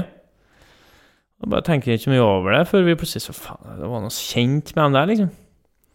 Så da var det blant annet Dean Whitehead, da. Eh, som var blant dem, og for dem som ikke vet hvem det er, så kan de jo google han. Han har x antall kamper i Premier League, blant annet. Og eh, den gode gamle danske keeperen eh, Brian Jensen. Eh, og så hadde du også en eh, tredje som har spilt en del i Premier League, som Sam Ricketts. Var blant den gjengen der, da. Eh, og kompisen min da, som var med, han er jo sånn super sånn uh, footballmanager-fyr, da. Så han tok jo det der sånn, liksom. Og skjønte Og ble jo helt i hundre. Så det ble en helt sinnssyk karaokekveld med ja, jeg tror det var eh, 20 mannfolk inne på et sånn trangt rom, og det var helt Altså, det var siste dans før koronaen, Ja, på en måte. Det det siste jeg husker fra en ordentlig sånn Ordentlig god kveld før koronaen. Det er jo skamgøy, da. og Kult at de inviterte dere med, sånn randomly, eller? Ja, helt randomly, for at uh, vi var en gjeng, og dem var en gjeng, og vi så vel alle at alle var på vei inn på samme sted, og folk var bare out for a laugh, som de sier. Det var artig, ja. Hva er Torjar Meling eh, Han har også spurt hva er din favorittlåt, og om det er mulig å få en reprise av 'Det umulige er, er mulig' her på direkten. Den har jeg sunget så mange ganger på direkten på andre plasser, så den er oppbrukt nå. Men eh, jeg laga jeg, skrev, jeg er jo veldig stolt av den låta jeg skrev, da. Opprykkslåta med Ranheim. Så dem som er veldig interessert i å høre det, kan google, det, så finner dere et klipp av det, for det ble jo filma og lagt ut og alt. Men jeg, jeg skrev jo teksten sjøl, og brukte melodien til Mulle, mulig, som er en av mine favorittlåter. Og det ble et vakkert resultat. Også fått sunget inn den med Bjarne Brøndbo i ettertid, så Det er kult. fornøyd med den, at hele greia der. Altså. Og er det da din favorittlåt, eller har du en annen? Nei, av av DD sine, så Jeg tror jeg må trekke frem den. Mm. Og den har jeg også fått implementert i garderoben. da. Så, Nå er det Viking. ja, så til og med Joe Bell liker umulig er mulig, liksom. Ja, det er stilig. Og eh, hva er den fineste fotballsangen i Norge, syns du? Eller i, eventuelt i verden? Jeg har blitt veldig glad i eh, vår låt, da. 'En blå dag'. Mm. Og det, det På en måte Jeg hadde jo hørt den før, men jeg kjente ikke til den på den måten, sånn som det er blitt nå. Så den syns jeg er ordentlig vakker. Men jeg er glad i gode fotballåter. Jeg har ikke noe problem med å, å, å si at jeg nynner med på For Fredrikstad hvis man spiller mot Fredrikstad, liksom. Eller Gamle Gress når man spiller mot Godset. Det er jo, det er jo noe eget med gode fotballåter. Og anerkjenner også andre klubber sine, sine gode. Det er bra å høre. Vi har hatt, eh, holdt deg her veldig lenge her i podkastkjelleren på, eh, på Vålandløk, men vi har én kategori igjen. Eh, Satser på den går ganske raskt, men det er noen eh, gøye spørsmål her, da, så vi, vi pløyer gjennom de òg. Eh, det du har vært eh, referert til i en sak i Aftenbladet eh, nylig, fordi eh, Lars Siljan Skjelbred har blitt henta til SIF eh, nivå 5. Eh, han er jo da født i eh, 1991, samme år som deg. Eh, Ett år eldre. ett år eldre er du i 92. Ja. Mm. Um, I Aftenbladet så sto det bl.a. at uh, Lars er et produkt av SIFs speideraktivitet i Trøndelag, uh, med speider-Kristoffer Løkberg i spissen, eh, og at dette var et lite stikk til Rosenborg etter at de stjal SIF-gutten Adrian Pereira. Som en slags hevn da, så har Lars Siljan Skjelbred eh, blitt henta til, til SIF Stavanger IF eh, på eh, nivå 5. Jeg husker ikke hvem som sa dette, men det var, det var sitert i Aftenbladet. Det var nok Stian Refvik, ja, tenker stemmer. jeg. Trener Stian Refvik, Ja. trener for SIF og materialforvalter eh, Mm. i Viking. Eh, altså, hva var din rolle her i hentingen av Lars til SIF? Min rolle var jo at Stian spurte meg om han hadde noe for seg på en måte på en fotballbane. Eh, For at på en eller annen måte så connecta dem via en kompis som spilte i SIF. Så jeg kjenner jo Lars litt fra før, da. Eh, Veldig fin type, og også en ok fotballspiller. Eh, Så har han jo det S i ermet som Stian trenger. Han trenger litt dødballskåringer, da har han saltokast. Ja. Så når Stian trenger liksom det, den lille edgen der, så så får han det på SIF-en i år. Og jeg, jo, jeg var jo også serieåpninga til SIF i fjerdediv. Eh, litt skuffende uavgjort der. Jeg følger jo med ham litt ekstra siden Stian er trener. Ny skuffende uavgjort i går. Så jeg tror at jeg må fortsette spreddevirksomheten og prøve å få tak i noe nytt. Han trenger noen som kan å drible, har jeg lagt merke til. Han savner noen som kan skape noe. Så hvis det er noen som lytter og har et tips, send det til meg. Så skal jeg få ordna vedkommende SIF-trening, og så får vi ta en vurdering derfra. Er. Sånn går det når de mister Nilsen Tangen til Viking. Han kunne vært den kraften de trengte. Han kunne ha klart seg ok i fjerdediv. Ja. Um, BM Jensen, han heter eh, knukur på Twitter. Han spør etter Pereira sin overgang til Rosenborg ser jeg flere og flere RBK RBK-supportere som ikke skjønner hvorfor de er så mislikte av oss i Stavanger. Skjønner du hvorfor RBK er så forhatte? Ja, det er jo helt naturlig i forbindelse med at de tok over hegemoniet i norsk fotball så til de grader, da. Og eh, har jo til tider på en måte sittet der litt på sin høye hest og, og sett ned på andre. Um, og det ligger jo i, i naturens gang at du har lyst til å utfordre dem som er større enn deg, sterkere enn deg, som de var en, en god periode. Og ja, litt sånn som i, i England i en periode, så var det Det kalte de bare at det var ABU, Anything But United. Mm. Og det stamma jo fra at det var United dominert så til de grader, da. Så det er rart hvis de ikke forstår det oppi der. Det trodde det, de skjønt. Ja. Eh, hvis vi snur på det, da, hva, hva syns egentlig trøndere og RBK om Viking? Det er det Anders Wergeland som lurer på. Nei, det har vel aldri vært noe spesielt. Det er et sånn ganske sånn respektfullt eh, forhold. Eh, Trøndere har alltid sett på Viking som en, en stor norsk klubb, eh, som, som jeg sa tidligere, også var den siste som vant før Rosenborg. Altså på en måte dem man stjal, stjal gullet fra sist på en, en lang periode der. Og Nei, ikke noe annet enn det. Det er jo Hate Molde og Lillestrøm, synger de vel, så Mm. det har vært mer, mer det. Ja, og det er vel kanskje òg noe som, som du er litt inne på, da, så Rosenborg sin posisjon på, på 90- og 2000-tallet. Kanskje så dette annerledes ut på 70-80-tallet, ikke sant, men det husker vel ingen av oss eh, så veldig godt. Så eh, Du har sjøl eh, takka nei til Rosenborg to ganger, stemmer det? Ja. Ja. Hadde du eh, gjort det igjen? Altså hva lå bak eh, de gangene, og ville det sett annerledes ut nå?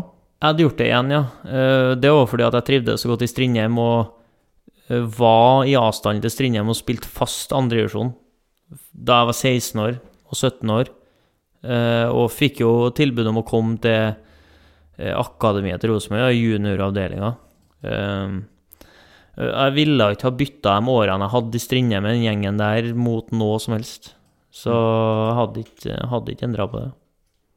Eh, Eiken Rismark eh, han eh, vil gjerne ha oss til å spørre om bussturen, og spesielt bussen til Oslo og cupfinalehelga noen år tilbake. Ja, det bunner ut i at jeg igjen da måtte ta ansvaret og organisere. Og da Rosenborg etter mange år kom seg til cupfinalen igjen, så var det jo artig å fære på tur ned til helga, for hele helga her er jo en opplevelse. Og eh, halve Trondheim da for nedover, og om man ikke hadde billett engang, så skulle man på en måte være med på festen. Eh, så da tenkte jeg jo at eh, busstur er jo artig. Med de rette folkene, med den rette drikkeflaska, skal jeg si, så er jo busstur artig. Eh, spesielt nedover, da. Um, så da henta inn tilbud og leide en buss og fiksa og ordna og alt det der. Så kom det jo en buss da som var Altså, det er det verste jeg har sett. Det var elendig. Altså, den var skranglekasse. Så det som uh, måtte skje, det skjedde jo at den bussen her streika jo. Plutselig så klarte den ikke å kjøre i noe annet enn tredjegiret. Så vi måtte jo stoppe Alvdal da, og ta en pause. Han prøvde å ordne den her, men han fikk ikke til. Og så fikk han avtalt at en buss skulle møte den i Elverum, da. Og det er jo noen mil mellom Alvdal og Elverum. Så etter en god sånn pitstop der, der han hadde fått ordna, så måtte vi bare tilbake i bussen. Og så nei, vi må bare kjøre til Elverum, da. Mm, I tredje gir. I tredje gir. Det var kun mulig å kjøre i tredje gir. Så kan dere forestille dere den lukta og den her lyden i Nei, det var, det var fælt. Men eh, det var mange som hadde mye god drikke i bussen, så det, det gikk bra likevel. Hmm. Det høres jo òg ut som du kan ende opp i eventbransjen egentlig etterpå, minus denne bussen, da. Ja, altså, jeg eh, leka litt med tanken om å, om å eh, etablere Løks reiser. For eh, det, jeg kan organisere turer, det kan jeg. Eh, det er òg en eh, Vi har fått litt innside fra en anonym at eh, eh, du opplevde å få en gigantisk oppblåsbar nisse på terrassen rundt juli for i fjor. Du aner ikke hvem som har satt den der, men eh, han mener da at du er veldig glad i jul. Så eh, at du syns dette var helt topp. Har du noen idé om det, hvem dette kan være? Nei, og jeg er veldig, veldig, veldig interessert i å finne ut hvem det er. For den nissen her, den var jo kul. Altså, den var konge, og den har jeg tatt vare på. Og den skal, hvert år nå, skal den opp 1. desember Mm. og stå på terrassen. Men hvem som har levert den? Jeg har ikke peiling. Kan det være en fra forsvarsrekka? Nei, det kan være det. Det kan være det, faktisk. Ja. Uh... Ja, er det sånn at dere vet det her nå? Jeg tror Alex vet det. Ja, nei, det, Hvis noen vet det, så er det ikke meg, men eh, det kan være noen vet mer enn meg. Jeg, jeg er usikker her. Hvis jeg skal mistenke én fra laget, så er Bjørshol. Ok. Hvis jeg skal mistenke én fra laget, så er Bjørshol. Ja. Så da skal jeg prøve da, ok, men da skal jeg prøve å ta han litt på det i morgen, faktisk. Jeg gjør det. Mm. Yes. Um, nå har vi holdt på i et par timer her, og eh, vi nærmer oss eh, slutten. Men eh, du er jo en eh, mann med mange gode historier og mye på hjertet. Eh, er det noe du ville spurt deg sjøl om hvis du var gjest i din podkast? Det er noe vi har glemt. Nei, minst mulig, tenker jeg, for å ikke, ikke måtte ha sittet her så lenge. Ja. Men eh, Nei, jeg tror vi har vært gjennom det meste, har ikke vi? Ja, jeg syns det. Prata godt, og flyten har vært fin, og Mm. Ja, det opplever jeg òg, og eh, ja, vi kan jo si bare det med en gang. Tusen takk til alle lyttere som har sendt inn spørsmål, for det syns jo jeg er en, en skikkelig styrke. Da er det lettere å og ikke liksom misse et helt kapittel eller noen viktige spørsmål. Ja, og så må vi jo si tusen takk til dem som fortsatt lytter. Ja. Altså dem som fortsatt sitter her og lytter på nå, på, helt på slutten. Mm. Eh, da har du jobba godt, og beklager til dem som da syns at det har vært litt langdrygt, men forhåpentligvis har det vært eh, relativt mye artig og interessant òg. Mm. Det tror jeg. Eh, hvem Løk vil du eh, kaste stafettpinnen videre til som neste gjest i Vikingpodden?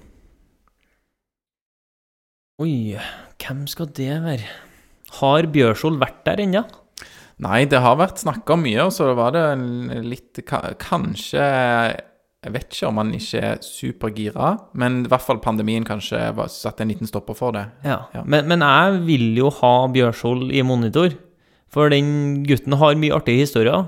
Mm. Og så er han ganske klok i tillegg. Og er jo en fryktelig god fotballspiller, da. Så kan det være mange som lurer på når han er tilbake, og hvordan han ser for seg framtida, Mm. alt det der. Og så har han også, en, også en spennende vei til toppfotballen. Eh, så sorry, Sondre. Du har ikke hatt lyst på en invitasjon verken hit eller dit, og vil helst være lengst unna media, men eh, det må bli det. Den er jeg enig i. Jeg, er- nå er jo ikke jeg fast inventar her, så bare for å selge meg inn til den episoden, så jeg er ganske sikker på at jeg har flippa Pokémon-kort med han på barneskolen. Oh, ja. Det er første spørsmål, det. det er ja, første spørsmål. Det er det. Da begynner man med det. Det er veldig god inngang. Yes. Um, jeg vil bare òg her gi en eh, liten shout-out til D2 Merch. Vi, det er jo ikke en podkast som tjener så veldig mye penger, akkurat. Eh, vi blør penger og bruker litt og tjener ingenting. Men eh, det er veldig, eh, veldig hyggelig. eh, folk som er glad i Viking, som òg støtter oss, og, og det gjør de. Og så var jeg og plukka opp noen sånne jakker vi fikk lagd eh, der. De ble veldig fine for øvrig, eh, syns jeg sjøl. Og da eh, bretter jo Daniel da opp liksom låret og viser at han har jo tatovert Viking eh, på låret. Så da vet du at du har liksom med legit eh, Viking-supportere å gjøre. Eh, så ja, vi fikk jakker av de, så fikk vi òg noe, noe eh, gratis eh, sokker. Så det skal dere få, eh, Pål og Kristoffer. Eh, så kan du gå med noe annet enn vikingtøy. Eh, I hvert fall på, på føttene neste gang du er i Trondheim. Ehm, så ja, anbefaler det hvis noen skal ha, ha trykt opp noe klær. Eh, snakk med våre venner i eh, D2 Merch. Um, bare google D2 Merch, så kommer det opp. Um, vi takker jo lytterne som har sendt inn spørsmål. Vi vil òg takke Pål André Helland og en liten gjeng fra eh, Ranheim. Eh, Erik Tønne, Kristian Egen Rismark og Fredrik Osta Eriksen for bidrag til spørsmål og informasjon. Eh, Fredrik Ostad Eriksen han er materialforvalter og, og teamleder for de, den gjengen der i eh, Ranheim, og han ba oss òg gi en shout-out til Dag Helge Weberg for digge skoleboller på Viking stadion. Han har jo fått litt oppmerksomhet eh, for de i det siste, og det er med, med rette. Så tenker jeg at disse skolebollene kanskje kan være et sånn ekstra insentiv for opprykk for Ranheim. Ja. eh, hvis jeg hadde vært et Obos-ligalag, så hadde jeg lagt fullt trykk på det at eh, muligheten for å få smakt de bollene er til stede hvis du, hvis du rykker opp. Så vil vi òg eh, takke Henrik Heggheim og Vilja Vevatnet for bidrag. Og jeg tror faktisk vi har nevnt alle som har bidratt da, av liksom, spillere i Eliteserien. Så med tanke på ting som du ennå ikke føler du har svar på, eh, Kristoffer, så kan jo det være et, eh, et lite hint da, på hvor man kan starte å nøste i, i ting. Um, lurer òg på Du har ganske mange følgere på eh, Twitter, eh, Løk. Kan Mhm. du love oss å retweete denne episoden? Det skal jeg love å gjøre. Også skrive at det var veldig hyggelig å være her. Ja, oh, nydelig. Det er bra. Så kanskje vi plusser på eh, en 100 lyttere eller noe sånt. Vi pleier nå hver uke å ha over 1000 eh, unike lyttere eh, i Vikingpodden. Og det syns jeg vi er veldig, Det synes veldig jeg er bra. Ja, Men jeg fortjener enda flere. ja. Så kanskje det kommer enda litt flere nå, med litt eh, retweets fra Pål òg. Så ja. Jeg er kjempestor på Twitter. så- Ja, det er godt. Ja. Eh, du skal før du går få lov til å eh, signere en draktløk, og ja, da er vi klare til å avslutte. Så da sier vi som alltid én, to, tre Heia! Viking!